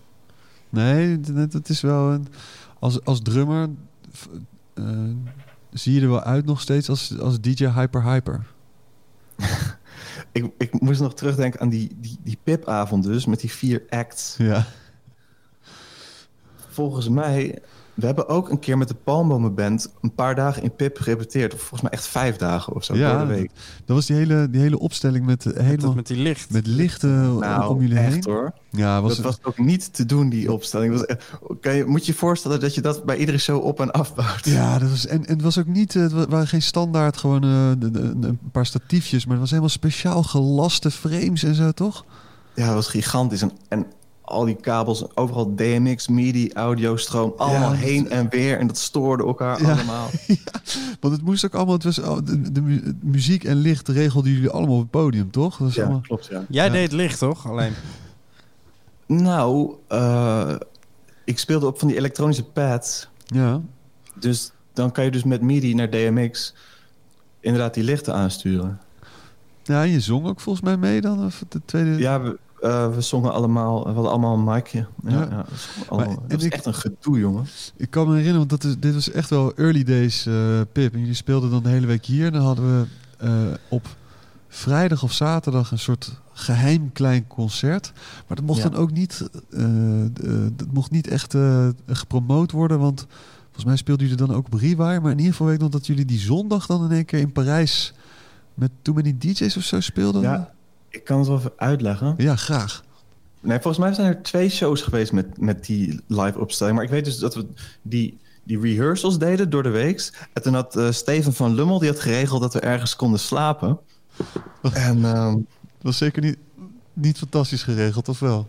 nou, het was wel geregeld. Maar die eerste avond kwamen Kai en ik daar ehm, bij die slaapplek. En dat was een of ander, ja, een of andere loods waar dan een stel figuren in zaten. Allemaal hele aardige mensen, hoor daar niet van. Ik weet het, dat was de loods van Matty. Langweiligheid. Langwaardigheidloods. en, Oh, die, ja. eh, en die zaten, die zaten volgens mij te blowen en een, en een dvd van Jimi Hendrix te kijken. En, en ik zat alleen maar van, oh jezus, ik wil hier echt weg. Oh shit. Sorry, Sire. En toen eh, nou, ben ik er toch gaan slapen. En er was ook een of andere hond. En die liep daar in de- heen en weer. Nou ja, goed. Maakt allemaal niet Van uit. Fast Ik wil Mike, gewoon... of niet? Sorry? Heb je Fast Mike toen ontmoet? Oh, dat weet ik niet. Ja, dat was, was, de man was een legend in Den Oh, maar er zat ook nog een... eh, Heel klein mannetje Een met een hele grote een Hells. Angels ontmoetingsplaats naast of zo. Een Hells Angels of iets met... een Satudara. motor- Ja, Satudara. daarnaast. Satudara. En die zaten keiharde metal te luisteren de hele nacht. wat op zich prima is. En toen had, had ik het idee dat er op een gegeven moment een of andere metal guy weg was gegaan. Want toen gingen ze opeens keihard Italo luisteren. Wow. Wat wel grappig was. Maar eh, dat mocht dan eerst niet van die metalgasten of zo, denk ik. maar ehm, ja, de- daar een nacht geslapen. Volgende dag, de hele dag rehearsals in Pip gedaan. En toen dacht ik van ja, ik ga niet nog een nacht daar slapen. Ik, eh, toen ben ik naar mijn vriendinnetje in eh, Utrecht gegaan. En de- rest van de tijd ben ik heen en weer tussen Utrecht en Den Haag gegaan. Wat ook prima te doen was trouwens. Dus ik heb het opgelost. Toen later, volgens mij was dat niet dezelfde week... maar toen later hebben we nog een keer in Pip opgetreden... met die hele gigantische show met die lichten en alles. Ook om vier uur s'nachts waarschijnlijk. Heel laat, gewoon clubavond. En de volgende dag moesten we inderdaad naar Soulwax in Parijs. Want toen deden we een, eh, een show in een gigantische hal. Eh, nog steeds volgens mij de grootste hal waar ik ooit heb opgetreden. Grand Hall de la Villette heette dat volgens mij. Echt, eh, echt twee Ziggo Domes aan elkaar vast of zo. Zo groot. Met jullie op het podium. Met die gekke Met, lichtshow. eh, met, ja, die lichtshow viel daar een beetje weg. Ja, die was, die Ja, was hier was net te groot en daar net te klein. Maar toen, toen speelde daar... Wij speelden voor eh, Soulwax of Too Many DJ's. Ze deden een hele avondvullende programma. Dus ja, wij, wij traden daar op, ja, op dat podium, wat echt gigantisch was. Het was heel leuk eigenlijk. Die jongens waren ook heel aardig van Soulwax. En, maar voor ons draaiden... Die, ik weet niet, volgens mij waren dat neefjes van hen of zo. Maar die draaiden het echt om tien uur s'avonds. Gewoon de eerste beat, snoeiharde techno. Keiharde techno, gewoon als openers. En dan kwamen wij daarna met een soort van elektronische popmuziek. Dat sloeg helemaal nergens op qua line-up. En daarna dan eh Soulwax en eh, volgens mij ook Justice DJ set of zo. Of een van die guys van Justice, ik weet niet meer precies. Errol Alkan en die mensen allemaal. Oh ja, en toen na de Palmbomen live show... Dus ik had die, die live show gedrumd. dacht ik van nou, nu kan ik wel... eh, kunnen een paar biertjes drinken gewoon. Een beetje gewoon relaxen. Er waren al- allemaal vrienden mee, dus... eh, dus Beer was ook mee en zo. Die hele non-records crew was mee volgens mij. Het nest bedoel je? Het nest was mee. Het nest was meegegaan. Het is handig als het nest meereist met je. En um, om half vijf of zo, dus uren na die Palmbomen show... komt een van die guys van Soulwax naar me toe en die zegt van... hé, hey, we doen altijd aan het einde, om kwart voor vijf of kwart voor zes... ik weet niet meer, echt het laatste kwartier... doen we een eh, drum-off. Er staan er vijf drumkits op het podium... En we hebben er nog eentje leeg, dus als je, als je mee wilt doen, prima. En toen had je net een, een beetje bier geat natuurlijk. Toen ben ik als een gek water en Red Bull gaan drinken. Ik drink nooit Red Bull, ik haat Red Bull. Maar goed, oh sorry, als iemand gesponsord is, ik, ik vind het niet zo lekker. Ik vind het prima dat het bestaat. Maar eh, ja, toen heb ik het wel gedaan, ja. Wat echt bizar was. Want het zat ook met vet. die, eh, met die Mix Hell, ik weet niet of jullie dat kennen. Dat is met, volgens mij met die drummer van Sepultura of zoiets. Wow. allemaal grote namen in ieder geval zaten erbij. En ik zat dan het achterste drumkitje ook een beetje mee te slaan. En die hal was nog helemaal vol. Dat was heel onwerkelijk. Best, best wel tof dat zij dan voor, hun, eh, voor zo'n show gewoon een paar neefjes uitnodigen. En dat ze dan ook vragen van ja, wat zullen we draaien? Nee, draai gewoon lekker wat je zelf wil. Ja, dat is vind ik ook wel leuk, ja, eigenlijk. beginnen met techno en dan het laatste kwartier. Super onhandig. Ik, hoor- ik hoor het al zeggen tegen de productie. Voor het laatste kwartier willen we even vijf drumstellen, drumstellen het podium op. Ja, maar dat was traditie of zo. Dat deden ze dan iedere show, want ze deden het ook in Londen en zo. Sikke gasten wel, hè? Ja, heel aardig. Ja. Ja. Ja, dat was mijn avontuur dat weekend. Eerst Pip en, eh, en toen eh, Parijs. Hey, Sire, en ook voor, jou natuurlijk. eh, we, we hebben het heerlijk dat we het nog niet over corona hebben gehad. Oh, gaan we er toch gaan we ons aan wagen? Ja, toch heel, heel even zou ik me eraan willen wagen. Ha- Had je een vol zomerprogramma staan? Ja, eigenlijk wel. Beste ooit, natuurlijk. Ja. Ik ging eigenlijk best wel goed. Ik had iets van. Wat voor mij is, ik denk, vijf, zes shows per maand of zo lijkt me het lekkerst. Dus dan eigenlijk eh, één per weekend of twee per weekend. Of eh, een paar keer twee per weekend en dan een we- week niks. Of, nou ja, goed, begrijp je. Ja. En ja, dat zag er wel leuk uit voor de komende zomer en de festivals in eh, vooral in eh, Nederland en België. En eh, ja, ook buitenlandse dingen. Echt, ja, heel jammer. Ja, ik had er wel zin in. Ik weet ook niet, eh, nou ja, we zien het wel, wanneer dat dan weer losgaat. Ik hoor ook wel negatieve berichten van mensen die zeggen, ja, het kan nooit meer. Nou, dan denk ik van, ja, eh, dat soort uitspraken, daar wil ik me niet aan wagen. Dat vond ik een beetje eng, want Pepijn die zei wel iets eh, heftigs in jullie joint venture radioshow, podcast. Die zei dat hij dacht van dat het nooit meer kon, of zo. Hij ging ervan uit of zo, van het ergste scenario. Ja, dat het, niet meer, dat het nooit meer zal zijn zoals het was. Ja, Ja, dat geloof ik ook niet hoor. Ik wil het niet geloven in ieder geval. nee, dat lijkt me ook onmogelijk. Ik hoorde dat gewoon de koning met de festivaldirecteuren heeft eh, eh, gezoomd. Heeft hij ook wat geld gegeven? Dat weet ik niet. Maar in ieder geval met ze gesproken en eh het hard gedrukt dat het echt heel kloot is. Wat, wat ze... Want dat wisten ze nog niet. Jongens, het spijt me, maar het is echt heel vervelend. Ja, wat zo lijp is dat ze dan al die, al die maatregelen echt eh minutieus eh, noemen. Hè? En eh, de- de- bij, die, bij die laatste persconferentie. Eh, Kappers, nagels, stylisten. alles. En dan eh, niks over evenementen. En dan de volgende dag op, op een klein briefje van Hugo de Jonge die zegt, oh ja, trouwens evenementen, daar gaan we pas doen als er een eh, vaccin Vaccin. is. Ja. Maar Ik vind die verzekeraars het ergst eigenlijk. In het contract staat niks over een pandemie, dus eh kunnen niet uitkeren. ja, maar dat is hun hele game. Een hele Maar ik vraag me ook af hoe, dat, hoe ver dat dan gaat. Want dan wordt een pandemie wordt wel opgenomen. Misschien in, de volgende, in het volgende contract. En dan zeggen ze, ja, maar er stond, er stond een pandemie, maar niet welke ziekte. Deze ziekte valt niet onder ons eh, pandemiebeleid. Ja. Ja, maar Zo goed, kan je dat, doorgaan. hun, hun hele ding is niet uitkeren. Dat, dat, dat, dat is hun hele verdienmodel. Dat kun je niet maken. Nee. Nee, vind ik ook. Nee. En er zijn volgens mij, is het in die, in die festivalbranche eh, juist... Je, je neemt je verzekering pas eh, als je vergunning hebt. En je vergunning krijg je volgens mij bijna pas op de dag zelf. Ja, het Je is gaat erg. niet al, Ja. zeg maar, als, jij, als jouw festival in augustus is, in januari je verzekering al afsluiten. Want dan eh, betaal je dus zeg maar zes maanden premie. die je eigenlijk, je kan net zo goed twee maanden van tevoren of een maand van tevoren pas die verzekering afsluiten, zeg maar. Ja, dus alleen de grote die echt eh, een doorlopend programma hebben, die, eh, die hebben Ja. zoiets. Ja. Ja, ik kan er verder niks over zeggen, jongens. Ik weet het ook niet. Nee, maar het, het, het, ehm, eh, het zou je beste zomer tot nu toe worden, ooit. Ja. Ehm, dus dan is, ja, is toch de vraag: eh, eh, hoe vul je nu je dagen? Ben je, heb je een, een, een, strak programma? Eh, Ik heb dus, eh, nou, ik heb dus die live video bijvoorbeeld opgenomen vorige week. En eh, ik heb een, ik kan nu even de toekomst gaan pluggen. Hè?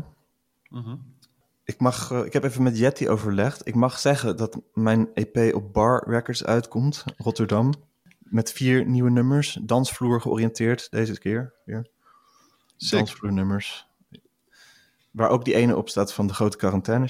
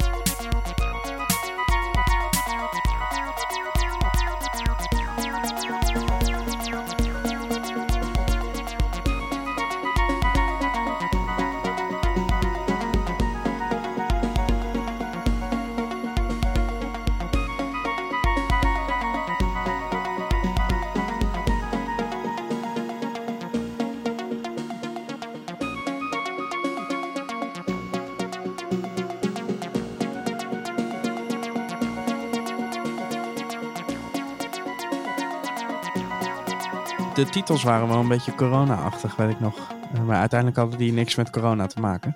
Nee, eigenlijk niet. Groceries, sad groceries. Sad groceries. Dat, dat verhaal heb ik uitgelegd in de vorige aflevering. Zak chips en een pakje kauwgom.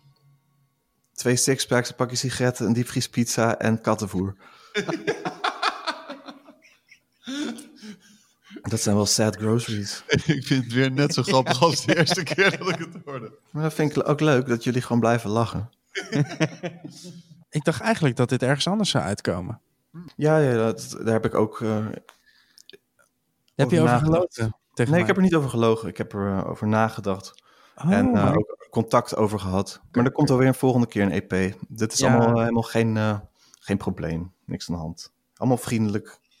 gelukkig. Maar ondertussen, weet je wel. Ja, slangenkuil van de muziekindustrie. En iedereen altijd maar, hey, hoe is het met jou? En het eerst van, eh, ja, zijn nieuwe plaat zegt kut. Hey, oh, hoi, ja. Hallo. ik snap echt niet dat hij al zo, zoveel boekingen krijgt. Ik snap er niks van. Wat een lul. Hij heeft ook nog een ghost producer. Als je het al producer kan noemen. Ja. Nee, er is natuurlijk wel... Kijk, eh, we kunnen heel, eh, heel gezellig doen over de dance-industrie, maar er zijn natuurlijk ook wel wat valkuilen. Waar je af en toe toch, waar je jezelf dan terug in vindt. In welke valkuil ben jij eh, gestonken? Ik had bijvoorbeeld een, ik heb een remix gemaakt ooit, echt gewoon een paar jaar geleden, voor een vrij grote naam. Die e-mailde mij en dan denk je al snel, oh, grote artiest e-mailt kleine artiest. Oh, ik voel me wel vereerd dat hij mijn muziek kent of zo. Zegt hij van, eh, ja, kan je een remix maken voor dit nummer? Ik dacht van, ja, cool, tuurlijk, doe ik. Grote naam met groot label. Dus ik vertrouwde het ook wel. Ik dacht van, ja, die gaat me echt niet naaien. Want dat is natuurlijk helemaal niet, eh, niet goed, want dan kan ik daar iets over zeggen.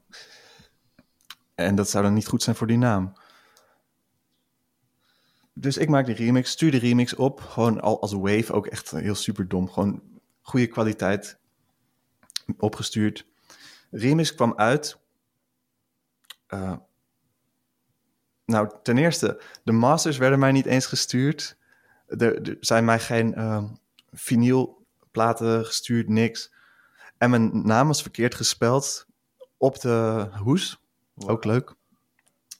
En ik bleef dus mailen met die guy van het label. Inmiddels niet meer de artiest, maar zijn manager of zo, weet ik veel. Van, hey, uh, die betaling, hoe zit het daar dan mee? Nou, heel lang helemaal niks op gehoord. En af en toe een e-mail van, ja, ja, gaat het nu regelen. En dan weer maanden niks. Dat ging maar door. Jaren en jaren is het doorgegaan.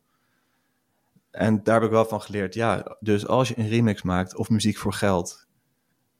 Super domme fout om dan de goede kwaliteit op te sturen. Gewoon een, een slechte kwaliteit Soundcloud-link sturen. En dan als het geld binnen is, dan de Wave of AIF of wat dan ook sturen. Was dit die Tipje. remix voor eh, DJ Hell? Ik wou die naam niet noemen. Hoeft, hoeft niet. Eh, dat heeft Justin voor je gedaan. Ik weet ook niet, ik kon het ook niet verstaan. Ik weet niet welke. Precies. Ja, dat is, dat is niet chic. Dat is niet chic. En, en, en eh, zijn er nog... Kun je nog een klein eh, tipje van de sluier lichten van een ander akkefietje waar je in bent beland? Een kleine duw-en-trek situatie? Klein valkuil. Ja, gew- gewoon de classic. Dat je ergens gaat draaien en dan... eh, de, de deal is van tevoren betalen. Gewoon, Ja. in principe. En dat geld kwam maar niet. Voor deze particular gig. En op de dag zelf was het er ook nog niet. Toen heb ik toch maar gezegd eh, tegen het eh, agency Future West van... hey, eh, jongens, ik heb dat geld nog niet. Volgens mij komt het niet goed hoor. En zij zeiden ook, ja, ja, ze zeggen dat ze het nu net hebben overgemaakt. Ze hebben het nu net overgemaakt. En dan kan je het nog niet zien op je rekening natuurlijk, want dat duurt dan soms een dag. Dus wel die show gedaan. En natuurlijk niet betaald. En ook, maar dan het ergste vind ik dat ze, dat ze gewoon liegen. Er wordt gewoon gelogen. Want ze wisten donders goed dat ze niet gingen betalen. Al van tevoren, want die tent ging een paar weken later failliet. Maar dan toch nog wel, die artiesten wel nog even... Uitknijpen. Ja. Ja, en dan kom je daar, je komt daar wel. En het, ik, ik moest uit België komen, dus het kostte mij ook gewoon serieus geld nog om daar naartoe te gaan. Dus niet dat ik even op de fiets kon stappen of zo. Dat is wel kut. maar aan de andere kant is het soms ook raar. Dat je, er zijn weinig dingen die je van tevoren af moet rekenen, toch? Ik bedoel, je koopt een brood, je krijgt, dat brood is gebakken, je krijgt het brood, dan, dan, dan geef je geld. En soms voelt, voelt het wel raar om lang van tevoren al... eh, Maar ik had het laatst ook nog in, eh, in Rusland. En Daar, werd- daar was, was het geld ook nog niet betaald. En ik had er een beetje een raar gevoel over. En die Russen, ja, ik kan er bijna niet mee praten, want ze kunnen heel slecht Engels. Maar uiteindelijk dus wel betaald, gelukkig. Maar dan heb je toch altijd zo'n naar gevoel of zo. Ja, ik bedoel, dan ben je daar in Rusland. Ja, Kan daar, ken daar niemand, weet niet wat ik daar moet. eh, trouwens, over Rusland gesproken. ik was de eerste keer dat ik in Moskou draaide. was hartstikke leuk, ging heel goed ook. En eh, allemaal aardige mensen van de organisatie. Das Ding was mee en eh, Sam Proper. Echt een heel leuk team hadden we. Hele show helemaal goed. Nou, daarna naar het hotel. Volgende ochtend wakker. Taxi naar het vliegveld die taxichauffeur kon dus gewoon letterlijk geen woord Engels, gewoon ook geen yes of no, of gewoon niks. En eh, die begon allemaal Russisch te praten tegen mij. En ja, ik kan geen Russisch, maar ik kon uit zijn woorden opmaken dat hij geld wilde. Hij wilde meer geld. Maar dat was al lang betaald door de organisatie.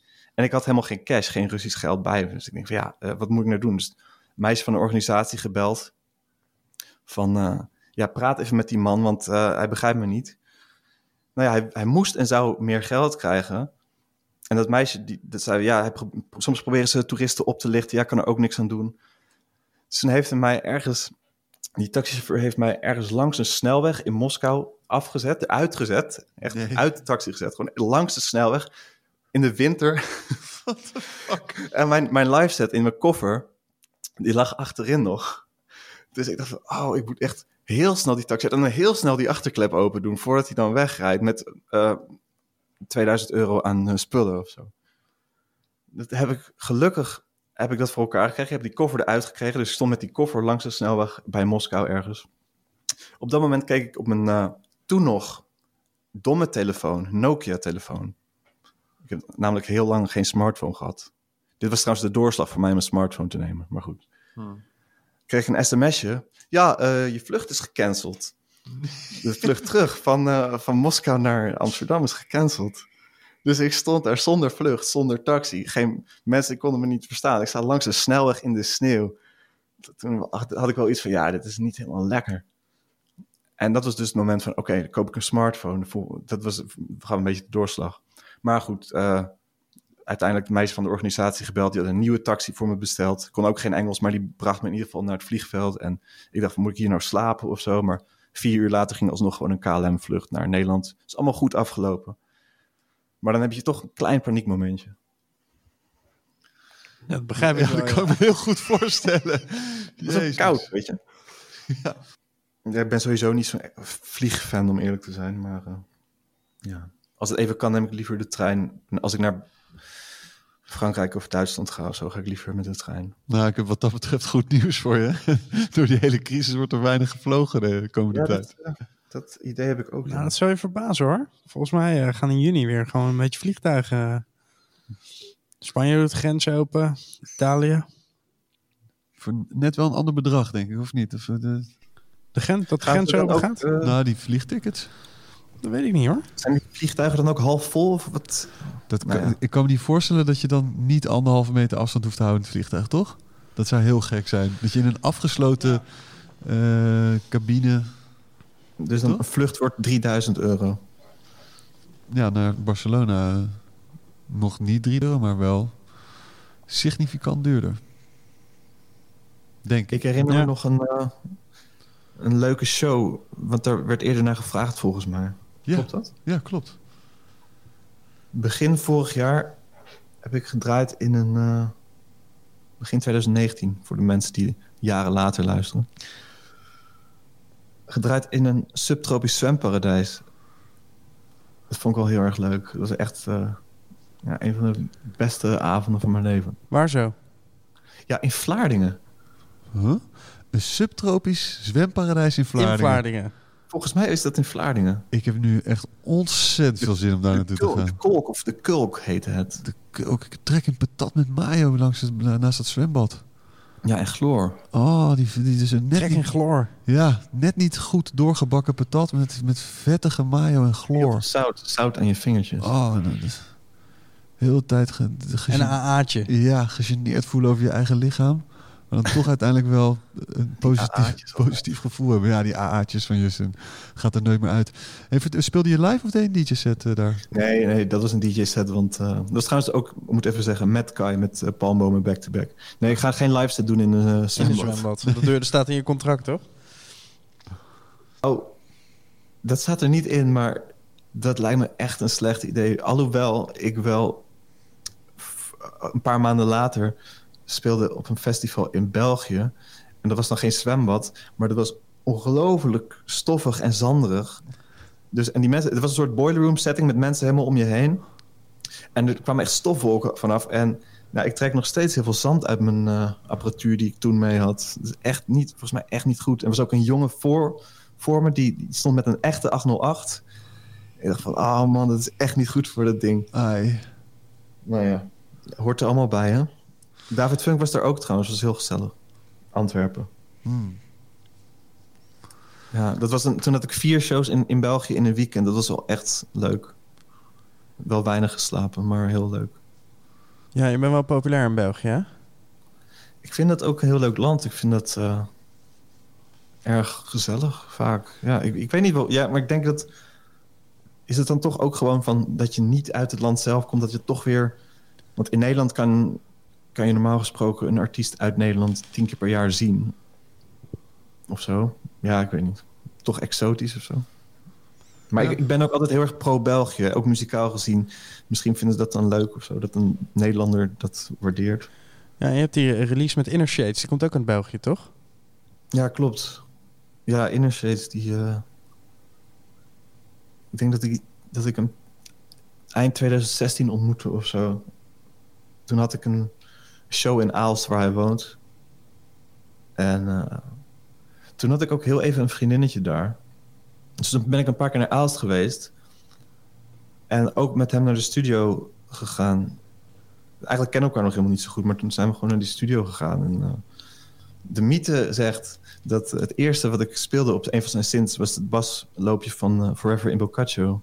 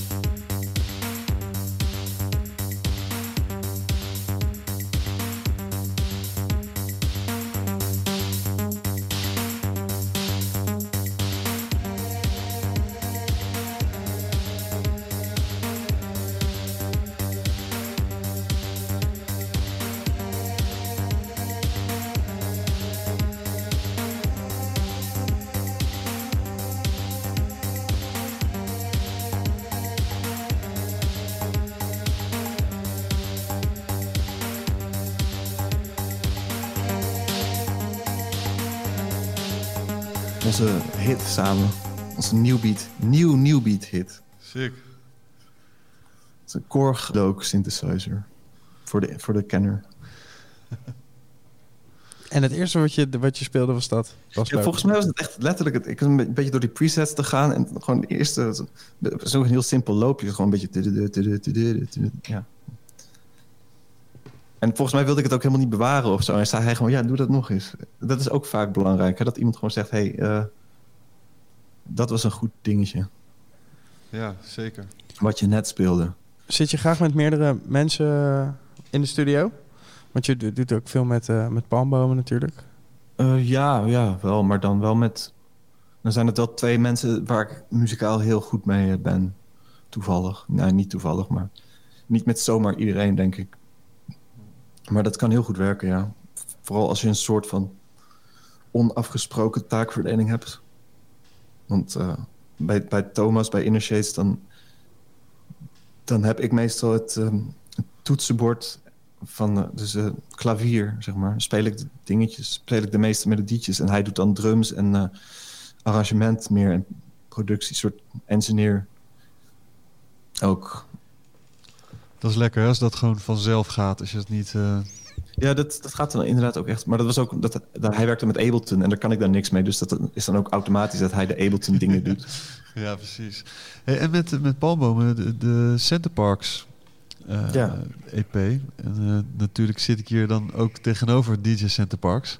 Dus dan hebben Ja, wat, had hij nou e- al eerder die naam, Justin? Ja, al jaren. Oh, echt? Wel Oh, het dus idee wij- dat, dat die EP daarop was eh, gebaseerd. Ja, dat dacht ik ook. Ja. Ja, dat, dat jullie...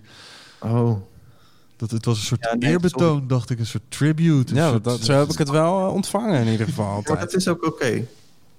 Maar het, het is gewoon parallel van elkaar ontstaan, denk ik. Ja, precies. Dat, Ik moet wel eerlijk zeggen dat... eh, ik had mezelf voorgenomen om eerlijk te zijn. ja, goed. Want er is dus een Center Parks EP. Ja. En later, Die is helemaal niet daar opgenomen.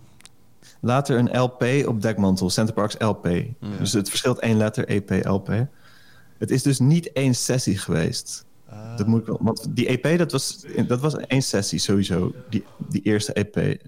En later zijn we nog een keer naar een, eh, een andere Centerparks geweest. Dus niet eens dezelfde. En daar hebben we die ehm, extra nummers opgenomen. Dus het zijn wel... Die, die LP, dat is samengesteld uit twee sessies. Dus het is niet één magisch weekend of zo. En welke Maar- twee, eh, welke twee fi- filialen ben je geweest? Ja, eentje meer in het noorden. Ik weet niet meer hoe die De heet. Eemhof? maar zo- Sowieso eh Eemhof, ja. Die sowieso. Die andere weet ik niet meer. Maakt er geen flikker uit, het lijkt allemaal op elkaar, toch? Het is wel allemaal hetzelfde gebouw. Het is een beetje McDonald's, maar dan een bungalowpark. Maar dat is ook, het is heel handig om je daar op te sluiten en gewoon te focussen op één ding. En dat werkt gewoon. Ja, het was juist. ook niet iemand, volgens mij was het ook helemaal niet het idee van, oh, we gaan het de Centerparks EP noemen of zoiets. Het was meer van, oké, we gaan nu zonder afleiding aan muziek werken. En dan uiteindelijk kom je daar dingen tegen, een toekan of zo. En dan ga je dat in die titels ook verwerken. Dus dan wordt het een soort conceptding. Ja, die, Ja, ik hou er wel van. ja. Je, je hebt twee guys in Den Haag, Henk en Melle. En eh, dat is Henk Korn is ook van, eh hoe heet die band nou ook weer? Hallo Venray. Van Hallo Oh, Venray. ja. Ehm, en eh, ja, Henk en Melle die maken dus samen een beetje terug gitaar, gitaarmuziek. Ja. Maar die, die vliegen dat ook eh, conceptueel aan. Dus die hebben laatst een plaat gemaakt in... eh, hebben ze totaal geschreven in snelwegrestaurants. Oh ja, Ja, van de Valk. Ja, nou, van al- allerlei pluimage, snelwegrestaurants.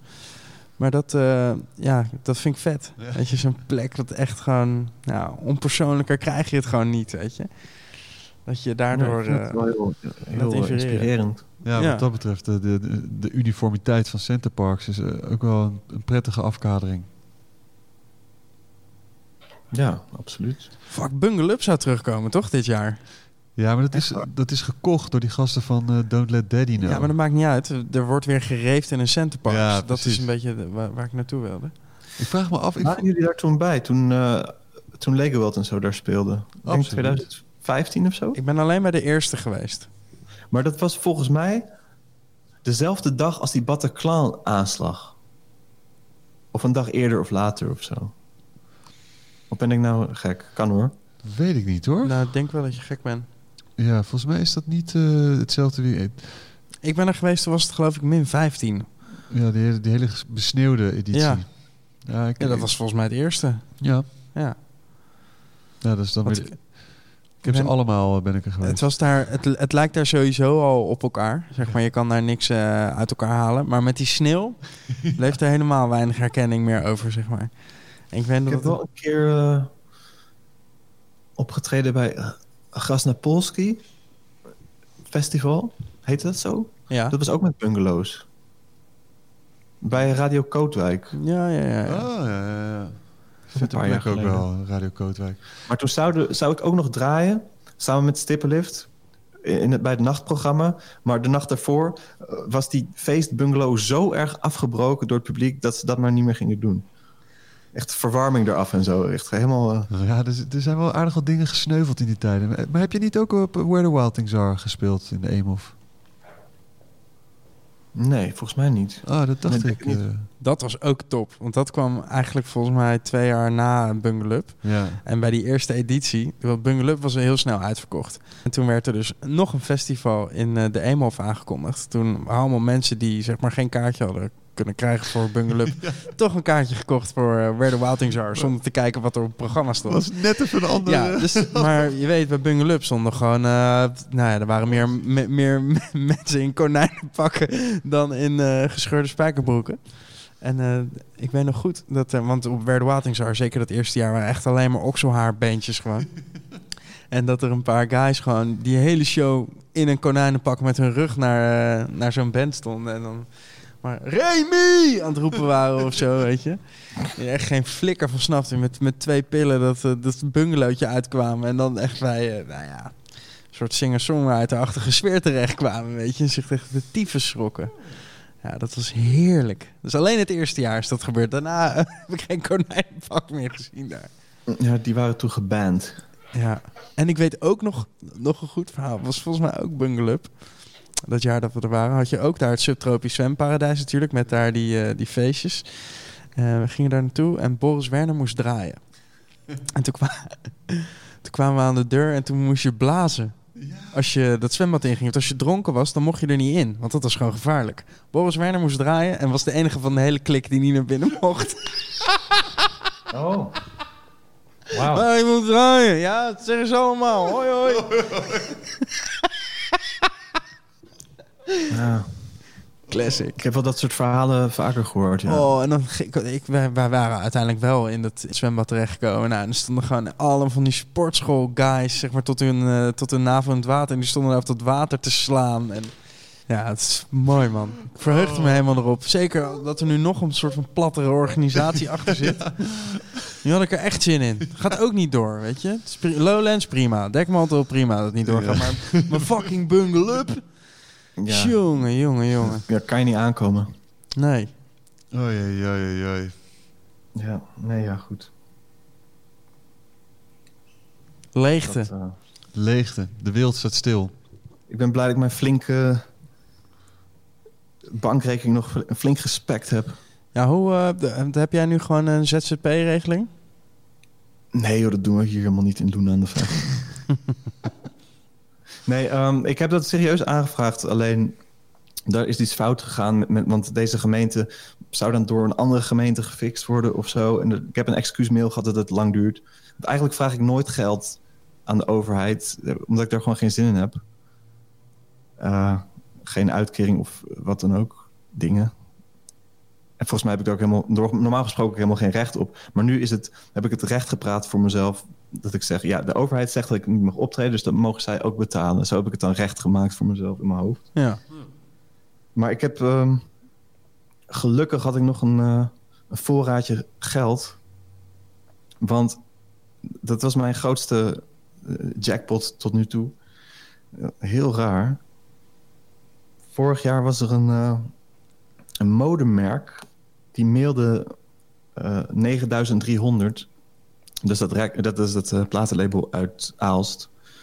Waar ik een plaat op uit heb gebracht. Die mailde dus van... eh, hey, mogen we twee nummers van die betonkustplaat gebruiken voor een modeshow? En eh, dus dat label stuurt die mail door aan mij. En ik denk van ja, dat zal wel. Eh, Fendi, wat is een Fendi? Nooit van gehoord. Wat is een Fendi? Dus ik vraag aan een paar meisjes die ik ken. hey, wat is een Fendi? Schijnt een gigantisch modemerk te zijn met van die tassen van 4000 euro. Hm, het zal wel. Een soort Gucci of zo, weet niet. Achtig. Ja, Absoluut, ja. Absoluut, ja. Dus ik wist er helemaal nergens van. Dus ik zou, als ik niet van tevoren had gevraagd, dat ik gewoon zeg: ja, joh, 250 euro, doe maar of zoiets. Maar ik was slim genoeg om even hogerop in de keten te vragen. Dus bij Kostijn Egberts, manager van eh, de jeugd en eh, ook van Palmbomen, die vriend van mij. Dus die kon ik gewoon e-mailen van: hey Kostijn, eh, ja, wat moet ik vragen voor zoiets? Ik heb geen idee. Is dat 100 euro of eh, 10.000 euro? Ik heb geen idee.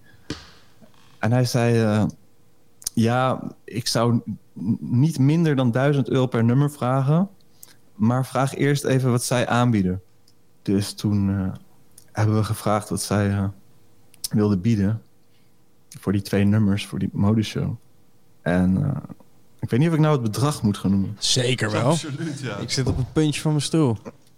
Nou ja, dat is ook allemaal niet zo erg. Het is ook allemaal niet zo extreem. Maar zeiden ze, ja, we dachten aan eh, 8000 euro voor die twee nummers. En toen zei je, maken we er tien van, hebben we een deal. Ik heb daarover getwijfeld. ik dacht van ja, als ze acht hebben ze ook wel tien. Maar ik wilde mijn luck niet pushen. Nee. Heb je gewoon gelijk eens goed gezegd?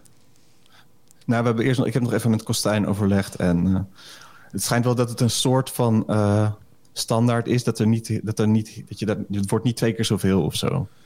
Nee, en je Het geeft, ze ook, veel. je geeft ze ook nog een kutgevoel als je gelijk zegt, ja is goed. Dus dan denken ze, kut. Ja, vijf had hij ook wel gepakt. Ik had het voor 200 euro ook gedaan. Want ik had die nummers al. Ik heb er niks voor hoeven doen. Die nummers waren er gewoon al. Dat is echt het makkelijkste geld dat ik ooit verdiend heb. Maar goed, het, is dus die acht, het werd 8000 euro. En eh, ging dus door twee, want de label, het label krijgt de helft. Dus Huh? 50-50. Oké. Dus eh, dat is het makkelijkste geld dat ik ooit verdiend heb. En eh, dat is wel lekker. Dat is mijn, mijn grootste cash flow tot nu toe geweest. Ja. Maar ik vond het heel eh, gek. Ik heb helemaal niks met mode. Maar het- ik, ik weet ook helemaal niet hoe ze erbij terecht zijn gekomen. Ik vind het wel grappig. Ja, te gek. Heb, heb je nog verder eh, eh, contact met hun gehad of video gekregen dat, dat, dat het werd gedraaid? Nee, dat werd eh, de, mannencollectie 2019, 2020 of zo. Ja, dat staat gewoon ergens online. Maar het grappige is, een van die... Dat vind jij vast leuk, Steven. Een van die nummers, die had ik gemaakt de avond of de nacht... voordat ik bij Pip Halloween ging spelen, live. Ik weet niet meer welk jaar, dat was 16 of 17. Een tijdje terug al. En ik had, een, ik had een live set klaar van 55 minuten. En ik dacht, ja, ik moet nog één nummer erbij hebben. Nou, even, nou, even een goed geluidje. Oh, ja, dat is wel een leuk nummertje. Dus dat nummer, eigenlijk een soort duister nummer, eh, suitable voor eh, Halloween bij Pip. Wat ook heel goed werkte die avond. Nou, dat nummer heeft me dus uiteindelijk heel veel geld opgeleverd.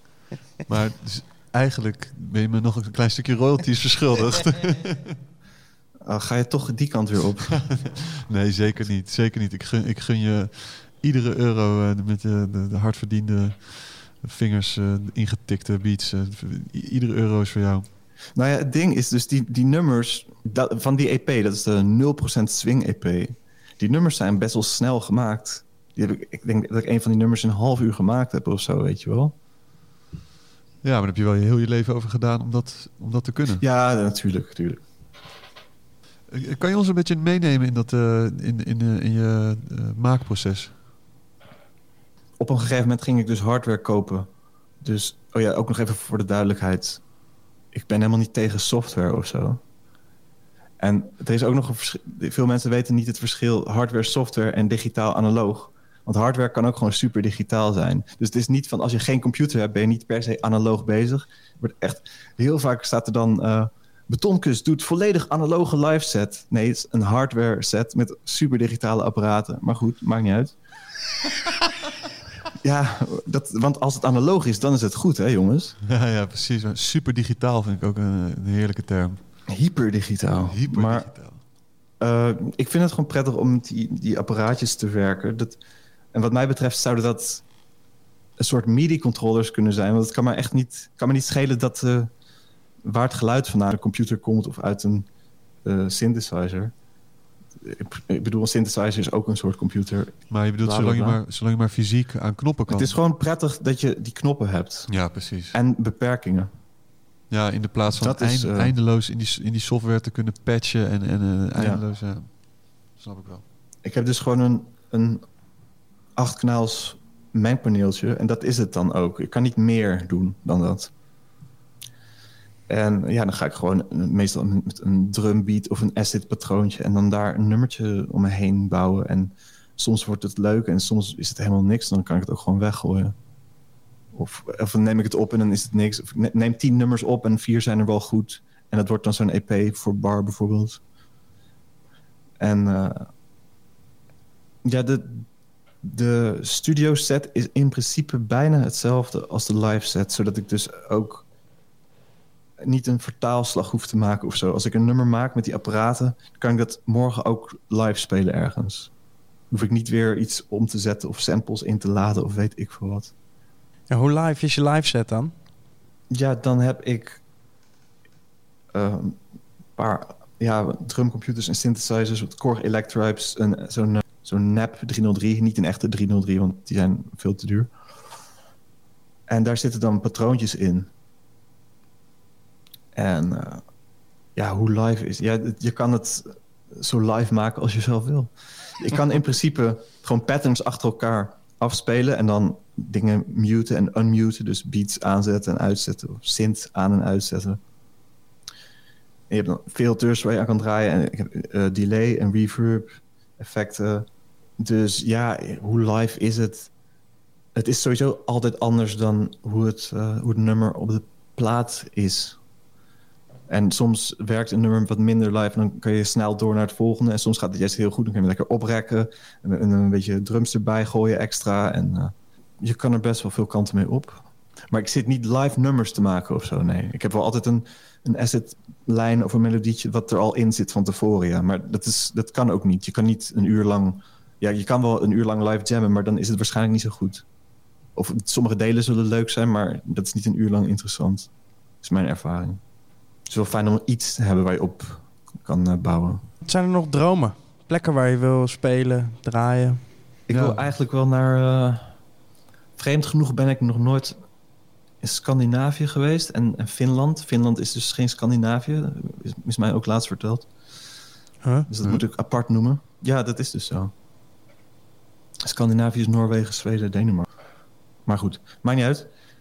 Eh, daar, wil ik, daar is ook best wel een electro scene in Zweden en Finland. Dus het lijkt me niet heel gek. Portugal zou ik ook nog wel een keer heen willen. En Italië ben ik ook nog nooit geweest.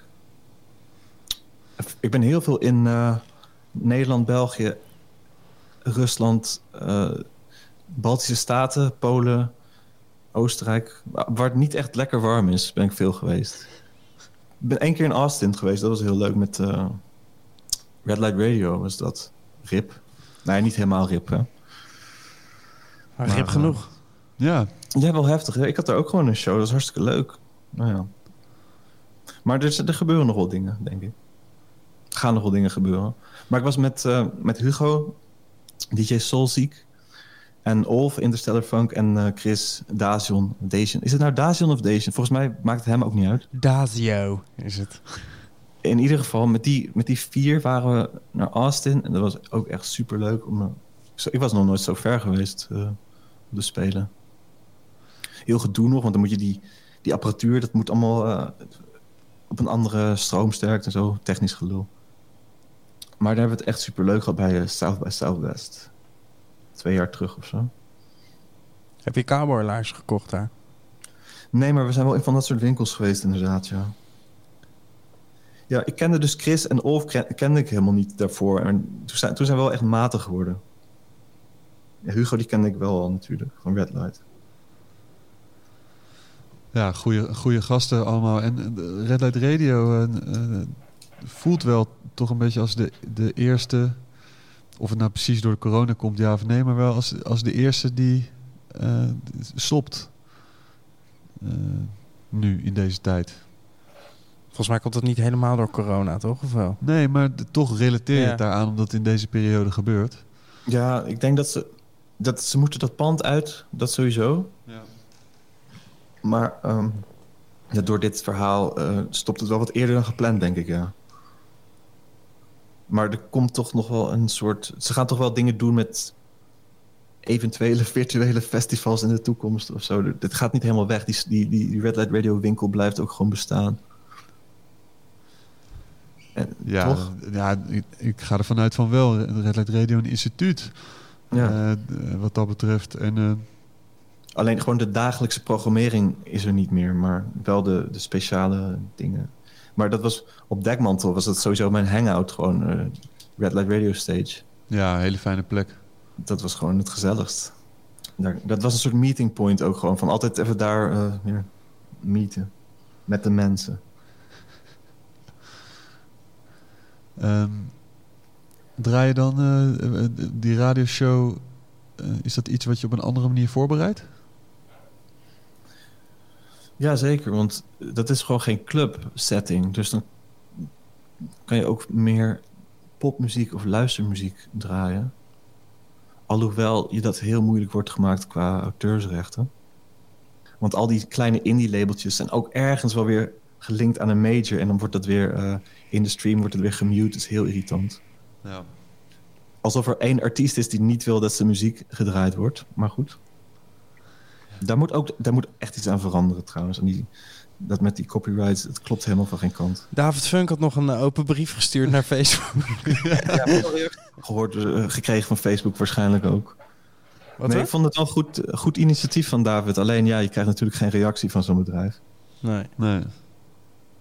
Nee, maar het is ook waanzin. Want je moet het gewoon zien als radio. En daar draai je muziek op. En dan ergens moet iemand Buma betalen of zo. Anders wordt iedereen boos. Ja, die, kijk, bij, bij Red Light Radio wordt gewoon, werd Buma betaald. En dan als die stream op Facebook kwam, dan werd hij alsnog gemute. Terwijl er wel Buma betaald was, maar dan komt het weer op een ander platform. Het is gewoon een hele, hele complexe eh, juridische situatie. ja, Terwijl iedereen gewoon die muziek wil horen. Dus doe even normaal. heel, absoluut mee eens. En, en Buma loopt ook weer via MySpace. Er zijn, er zijn allerlei soort gekke, eh, gekke situaties. Dus op dit moment eh, zijn er meerdere mensen mee bezig om het uit te zoeken. sowieso de, de, de- die eh, rechthebbende, de intellectueel eigendom is sowieso iets een, gek begrip. De, de, de schrijver, de speler, de producent, iedereen krijgt een stukje va- van die, van die taart. Alleen dan bij DJ-sets, dan, dan speelt het weer niet. Dus, eh, eh, dus Spotify, Soundcloud, Mixcloud, die doen allemaal niks met, die, eh, met de, de- het geld. Het stroomt niet terug naar de artiesten. Dus dat is sowieso iets wat, wat wel aan vernieuwing, verbetering toe is. Ja, terwijl je zou denken van nu met die Shazam-technieken... zou je alles overal ook precies kunnen zien wat, waar, wanneer gedraaid is. Ja. Nou, dus je zou het heel makkelijk in kaart kunnen brengen. Ja, ik weet in ieder geval wel dat Apple eh, heeft Shazam gekocht en eh, is, eh, is, is, is druk bezig met een, met een nieuw systeem. En, dus, dus Daar heb je nog niks aan op Facebook. Nee, dat is, dus dat is ook raar. Maar kijk, clubs, als ik dan heb over, over zeg maar semi-underground nachtclubs, die iedereen betaalt op, op de een of andere manier die leges. En tegelijkertijd wordt er, wordt er muziek gedraaid die, van allemaal mensen die niet bij Buma zijn aangesloten. Ja, en Yes. gaat alles naar Marco Borsato. Nou ja, dat is altijd het verhaal, hè. Dan komt het, maar ik, eigenlijk, ik gun het hem wel nu. Ja, ik ook. Nee, dat is een heel raar systeem en dat moet ook echt veranderd worden. Maar dat is, dat is ook de overheid en dat is niet echt een prioriteit op dit moment. Heb ik het idee. Nee, zeker niet. Maar dat het een zootje is, dat, niet, dat is in ieder geval duidelijk. Die, die oude directeur die had een, eh, een, een golfabonnement van eh, 40.000 euro. En dan komt er weer een nieuwe directeur en die verdwijnt weer met, de met z'n onder, onder schimmige omstandigheden. Het is, het, is, het, is een, het, is een rare, het is een rare organisatie. Maar goed, ja, nou, eh, Red Light is dan weg als dagelijkse radio. Maar ja, kan je terecht bij eh, Operator. En eh, ik ga binnenkort een radioshowtje doen. Ja, je moet toch bezig blijven, hè? Bij eh, Den Haag heeft nu ook iets, hè? Ja, een Future Intel. Ja, daar ga ik ook een keer heen binnenkort. Zo, een hele vette plek. Hier zo ramen. vlakbij. eh Afra moest daar draaien ook van de week. Ja, nou ja, goed. Kook je wel eens? Oh, gaan we nu eh, een culinaire tour op? Nou, culinair, culinaire tour. Dat hangt helemaal vanaf, hangt helemaal vanaf wat jouw signature dish is. Ik zou mezelf eh, geen hele goede kok noemen, maar ik kan wel een paar gerechten maken. Ik hou het meestal vrij simpel als ik alleen ben, maar ik kan wel een vrij goede lasagne in elkaar zetten. Maar doe je dan ook echt eh, de, de bladeren zelf maken? Nee, daar werd ik dus laatst ook opgepakt door iemand, dat het, dat het dan niet telt of zo. Nee. Ja, het is wel, ik maak hem nog eh, vegan of vegetarisch, hè, afhankelijk van eh, wel of geen kaas. Want je eet geen vlees, hè? Dat sowieso niet, nee. Oh, echt al heel lang niet. Ja, ik weet niet precies. Het is, het is namelijk niet één punt. Het ging in een soort, was een soort proces van steeds minder. Dus dan zelf, eigenlijk sinds dat ik alleen woon, sinds ik niet meer bij mijn ouders woon, koop ik het niet. En dan at ik het wel als ik ergens ging eten, om niet moeilijk te doen. Op een gegeven moment werd dat steeds minder en at ik het helemaal niet meer. En, dan, eh, en toen ging vis ook, eh, ging ook weg en op die manier. En eh, nu eet ik sowieso echt geen vlees meer. En, en, en ook ge- geen kaas en eieren en, en, en melk en zo. Als ik alleen ben. Maar als ik dan in een restaurant eet of bij mensen... ga ik wel gewoon kaas eten. En ga ik, daar ga ik dan niet moeilijk over doen.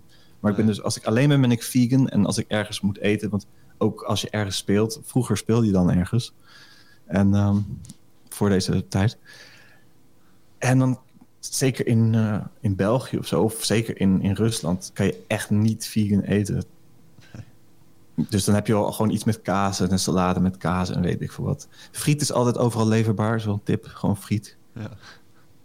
Friet en water kan je overal wel krijgen. Coca-Cola is meestal ook voorhanden.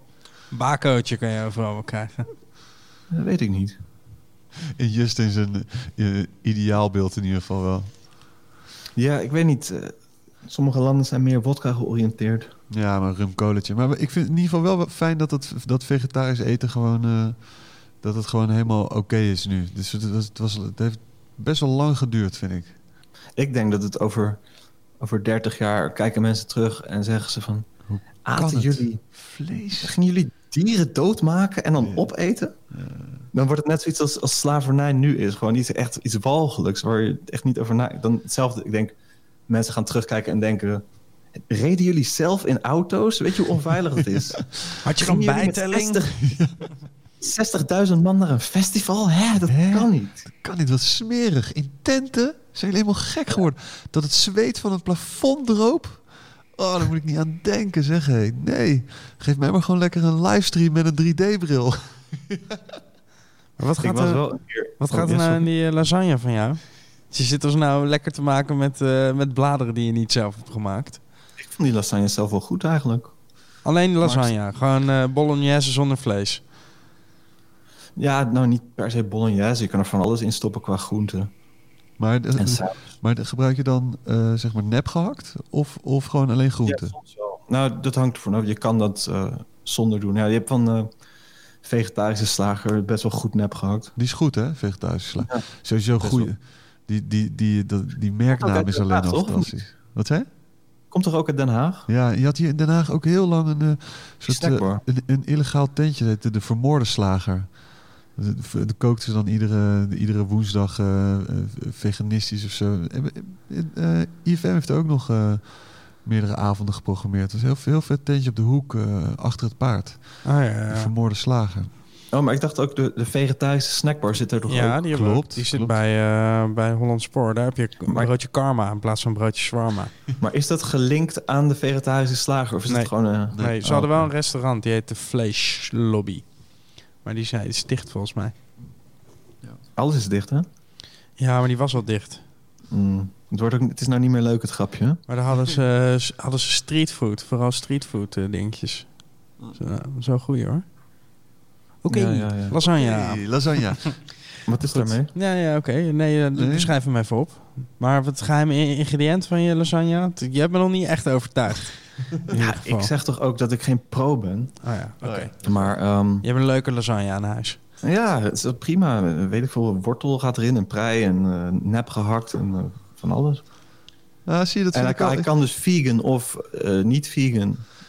Ah, ik, ik, ik zou sowieso zelf niet snel wortel... Ik eet heel veel wortels rauw. Maar niet snel in een, eh, in een lasagne. kan wel. doen. Ja, Ja, dat kan in de wel, pasta is het ook wel lekker hoor. Ja, maar dit- ik, ik heb Maar het over, gekookte, gekookte wortels is echt goor. ik heb het even over mezelf. Ja, dat vindt mijn meisje ook. Die, die haat gekookte ja, wortel. nee, dat, dat, is- dat is niet gemaakt om te koken. maar dingen. luister eens eventjes, hè. Want eh, dat hele vegan ding, I totally... Ik vind het helemaal... Ik respecteer het echt ten volste. Maar als ik dan aan een lasagne denk... en er zit geen gesmolten kaas op... Ik weet niet. Dat vind ik, dat, dat vind ik toch moeilijk. Ja, Dus Dat, dat, dat druiperige, dat natte, dat vettige, dat, dat glibberige, dat, dat, dat alles... Dat, alles wordt samengebracht door die smeltende... ja dat, begrijp ik volkomen. Maar die optie is er dus wel. Het kan wel. maar zo. wat doe je dan? In, wat, wat, wat gebruik je dan om het, om het zo smeug? Een bechamelsaus kan ook niet? Nou, ja, het is wel iets minder smeuig. Ja. ja, dat kan ik niet ontkennen. Nee. Maar er is niet ik moet wel zeggen, er is, een redelijke, er is een redelijk goede vegan kaas op de markt. Daar heb ik nog niet eerder over gehoord. Wat? Daar heb ik nog niet eerder over gehoord, een goede vegan kaas. Ik hoor van iedereen dat het niet lekker is. Nee, het is niet lekker als je het zo op een boterham eet. Dan is het niet lekker. Als die smelt, dan wel. Oh, oké. Maar ik weet niet meer hoe die nou heet. Maar het zit in een zwarte verpakking. Dat is sowieso wel goed natuurlijk. Ja, absoluut. Gele kaas in een zwart pakje. Ik koop altijd eh, pro- producten die zwart zijn. Dat maakt me niet uit. Nee. Een beetje goth producten koop ik. Drink je koffie? Ja, Ik drink dus alleen functioneel koffie. Als je je Ehm, ogen open doet, gelijk. Sorry? Als, gelijk als je je ogen open doet, koffie zetten. Nee, nee, nee. Ik eh, thu- thuis drink ik eigenlijk nooit koffie.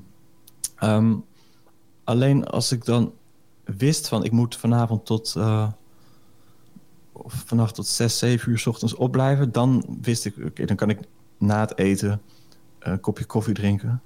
Meestal dus in een uh, restaurant of in een venue. Hmm. En dan neem ik gewoon zwarte koffie zonder iets. Zo sterk mogelijk. De, de koffie is jouw drugs eigenlijk. Ja, ik denk, ik kan het ook wel zonder, maar het helpt net wel even mee. En, en die, die clubmaten, of, dat, dat is te heftig als je er drie van drinkt of zo. Dan kun je echt niet meer slapen. Tenminste, ik niet. Huh. Het is echt verschrikkelijk. Het is heel lekker. Dus je drinkt het dan ook gewoon als limonade of water. Maar dat is, uh, ja, dat heb ik één keer gedaan. Dat ik drie of vier van die flesjes kon gewoon echt niet slapen. Ik werd helemaal gek, joh. Dat, dat kenden andere mensen ook wel, maar dan van andere middelen waarschijnlijk. Maar je drinkt wel een, een pilsje, toch? Af en toe. Je hebt er van, de, van twee weken geleden nog 62 gedronken, heb je mij verteld. Dat was misschien eh, overdreven. Maar eh, ja, tuurlijk, af en toe. Maar ik neem het eh, optreden wel vrij serieus. Want dat gaat meestal hand in hand, hè? Het, wat drinken en optreden. Maar als ik live speel, dan moet ik sowieso niet drinken, want dan is er te veel. eh, ja, dat is te moeilijk. Moet te veel dingen aan, aan te veel dingen denken en al die knopjes en, en kabels en zo. En bij een DJ-set kan je wel iets meer drinken, meestal. Ik dan. En eh, ja, dat is wel prima. Ja, in, in de ontlading eh, is, het, is het dan wel eens lekker. Ja, dat is heerlijk, zo'n ijskoude rakker. Ja. Zo'n jongen, zo'n jongen in je handen. Als het maar geen Maar kornuit wel- is.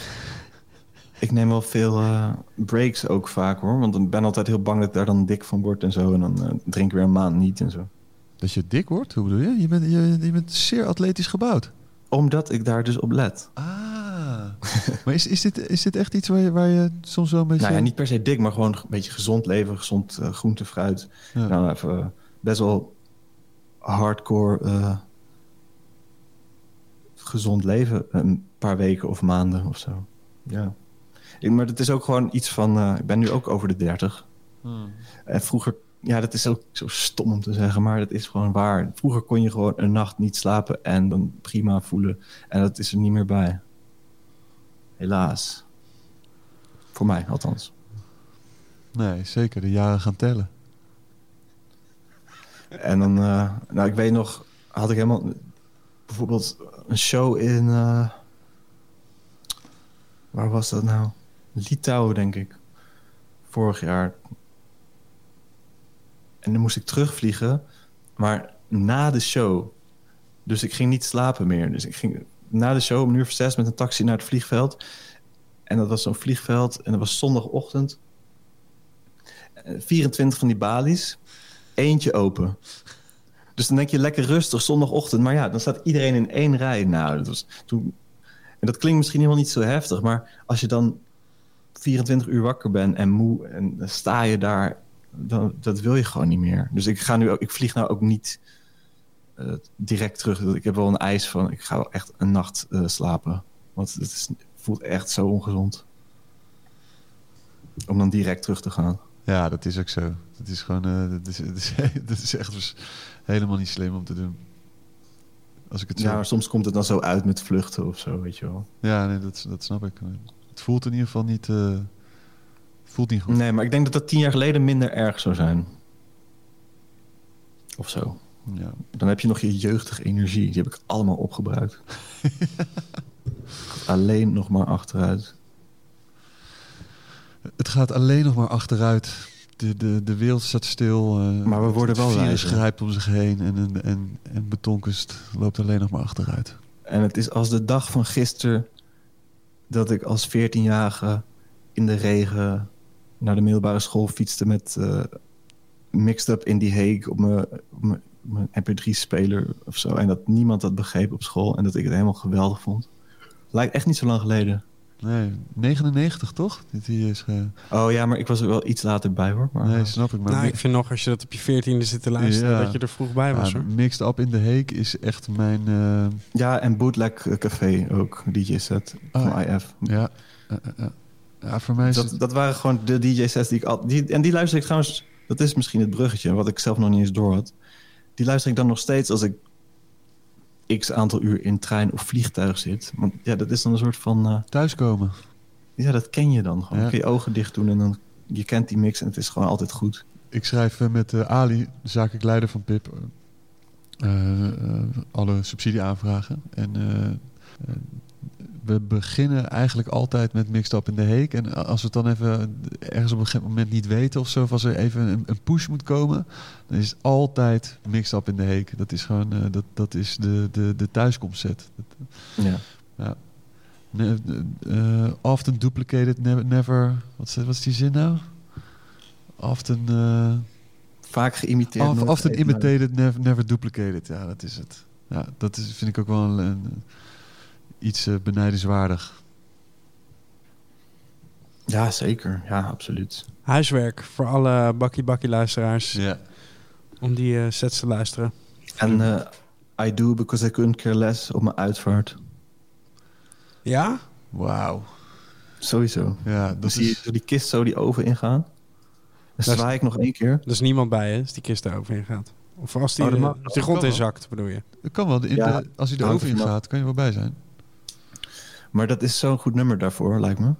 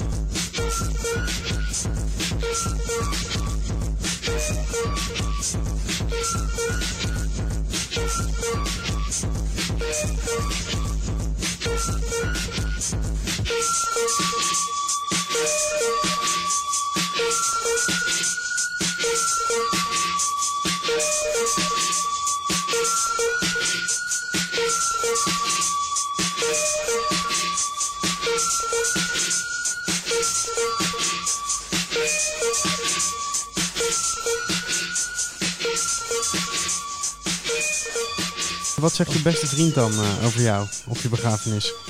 Ja, ik weet niet of ik wil dat mensen überhaupt iets zeggen. Ik heb echt een playlist van 12 nummers of zo. Moet nog een beetje geknipt worden, denk ik. Oké. Oh? Ja, ik heb Oh. dat helemaal voorbereid. En ik update die lijst ook met mijn ja, 8 tot 12 favoriete nummers of zo. En weten andere mensen dan eh, Steven en ik nu van die lijst?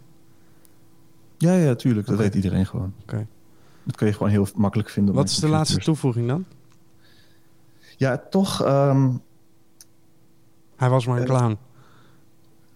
Ave eh, Maria. Wit licht. toch alles van mezelf. Al mijn eigen muziek. Nee. ehm, eh, de ik had een ander nummer van The Cure, maar nu ben ik toch gegaan naar Untitled van The Cure. Dat is, staat op Disintegration. Als het goed is, het laatste nummer op Disintegration. Als je niet een of andere bonus disc DVD multi-set hebt met 18.000 demo's en zo. Is het laatste nummer op Disintegration, Untitled. Super mooi nummer.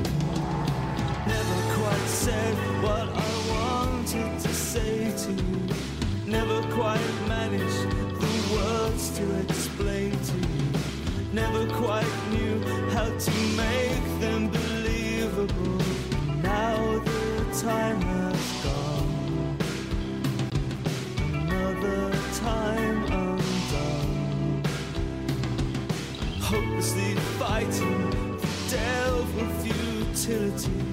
Feeling the monster climb deeper inside of me. Feeling him gnawing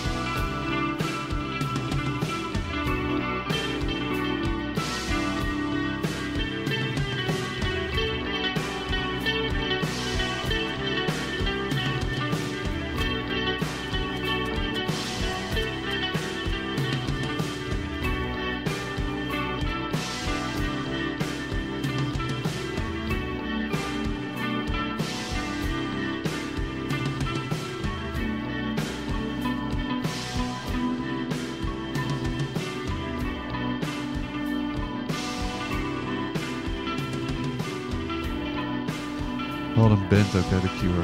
Echt een van de, een van de beste alle tijden van mij. Ja, maar ze komen met drie nieuwe albums, maar dat duurt maar en dat duurt maar. Ja, ik las al zoiets.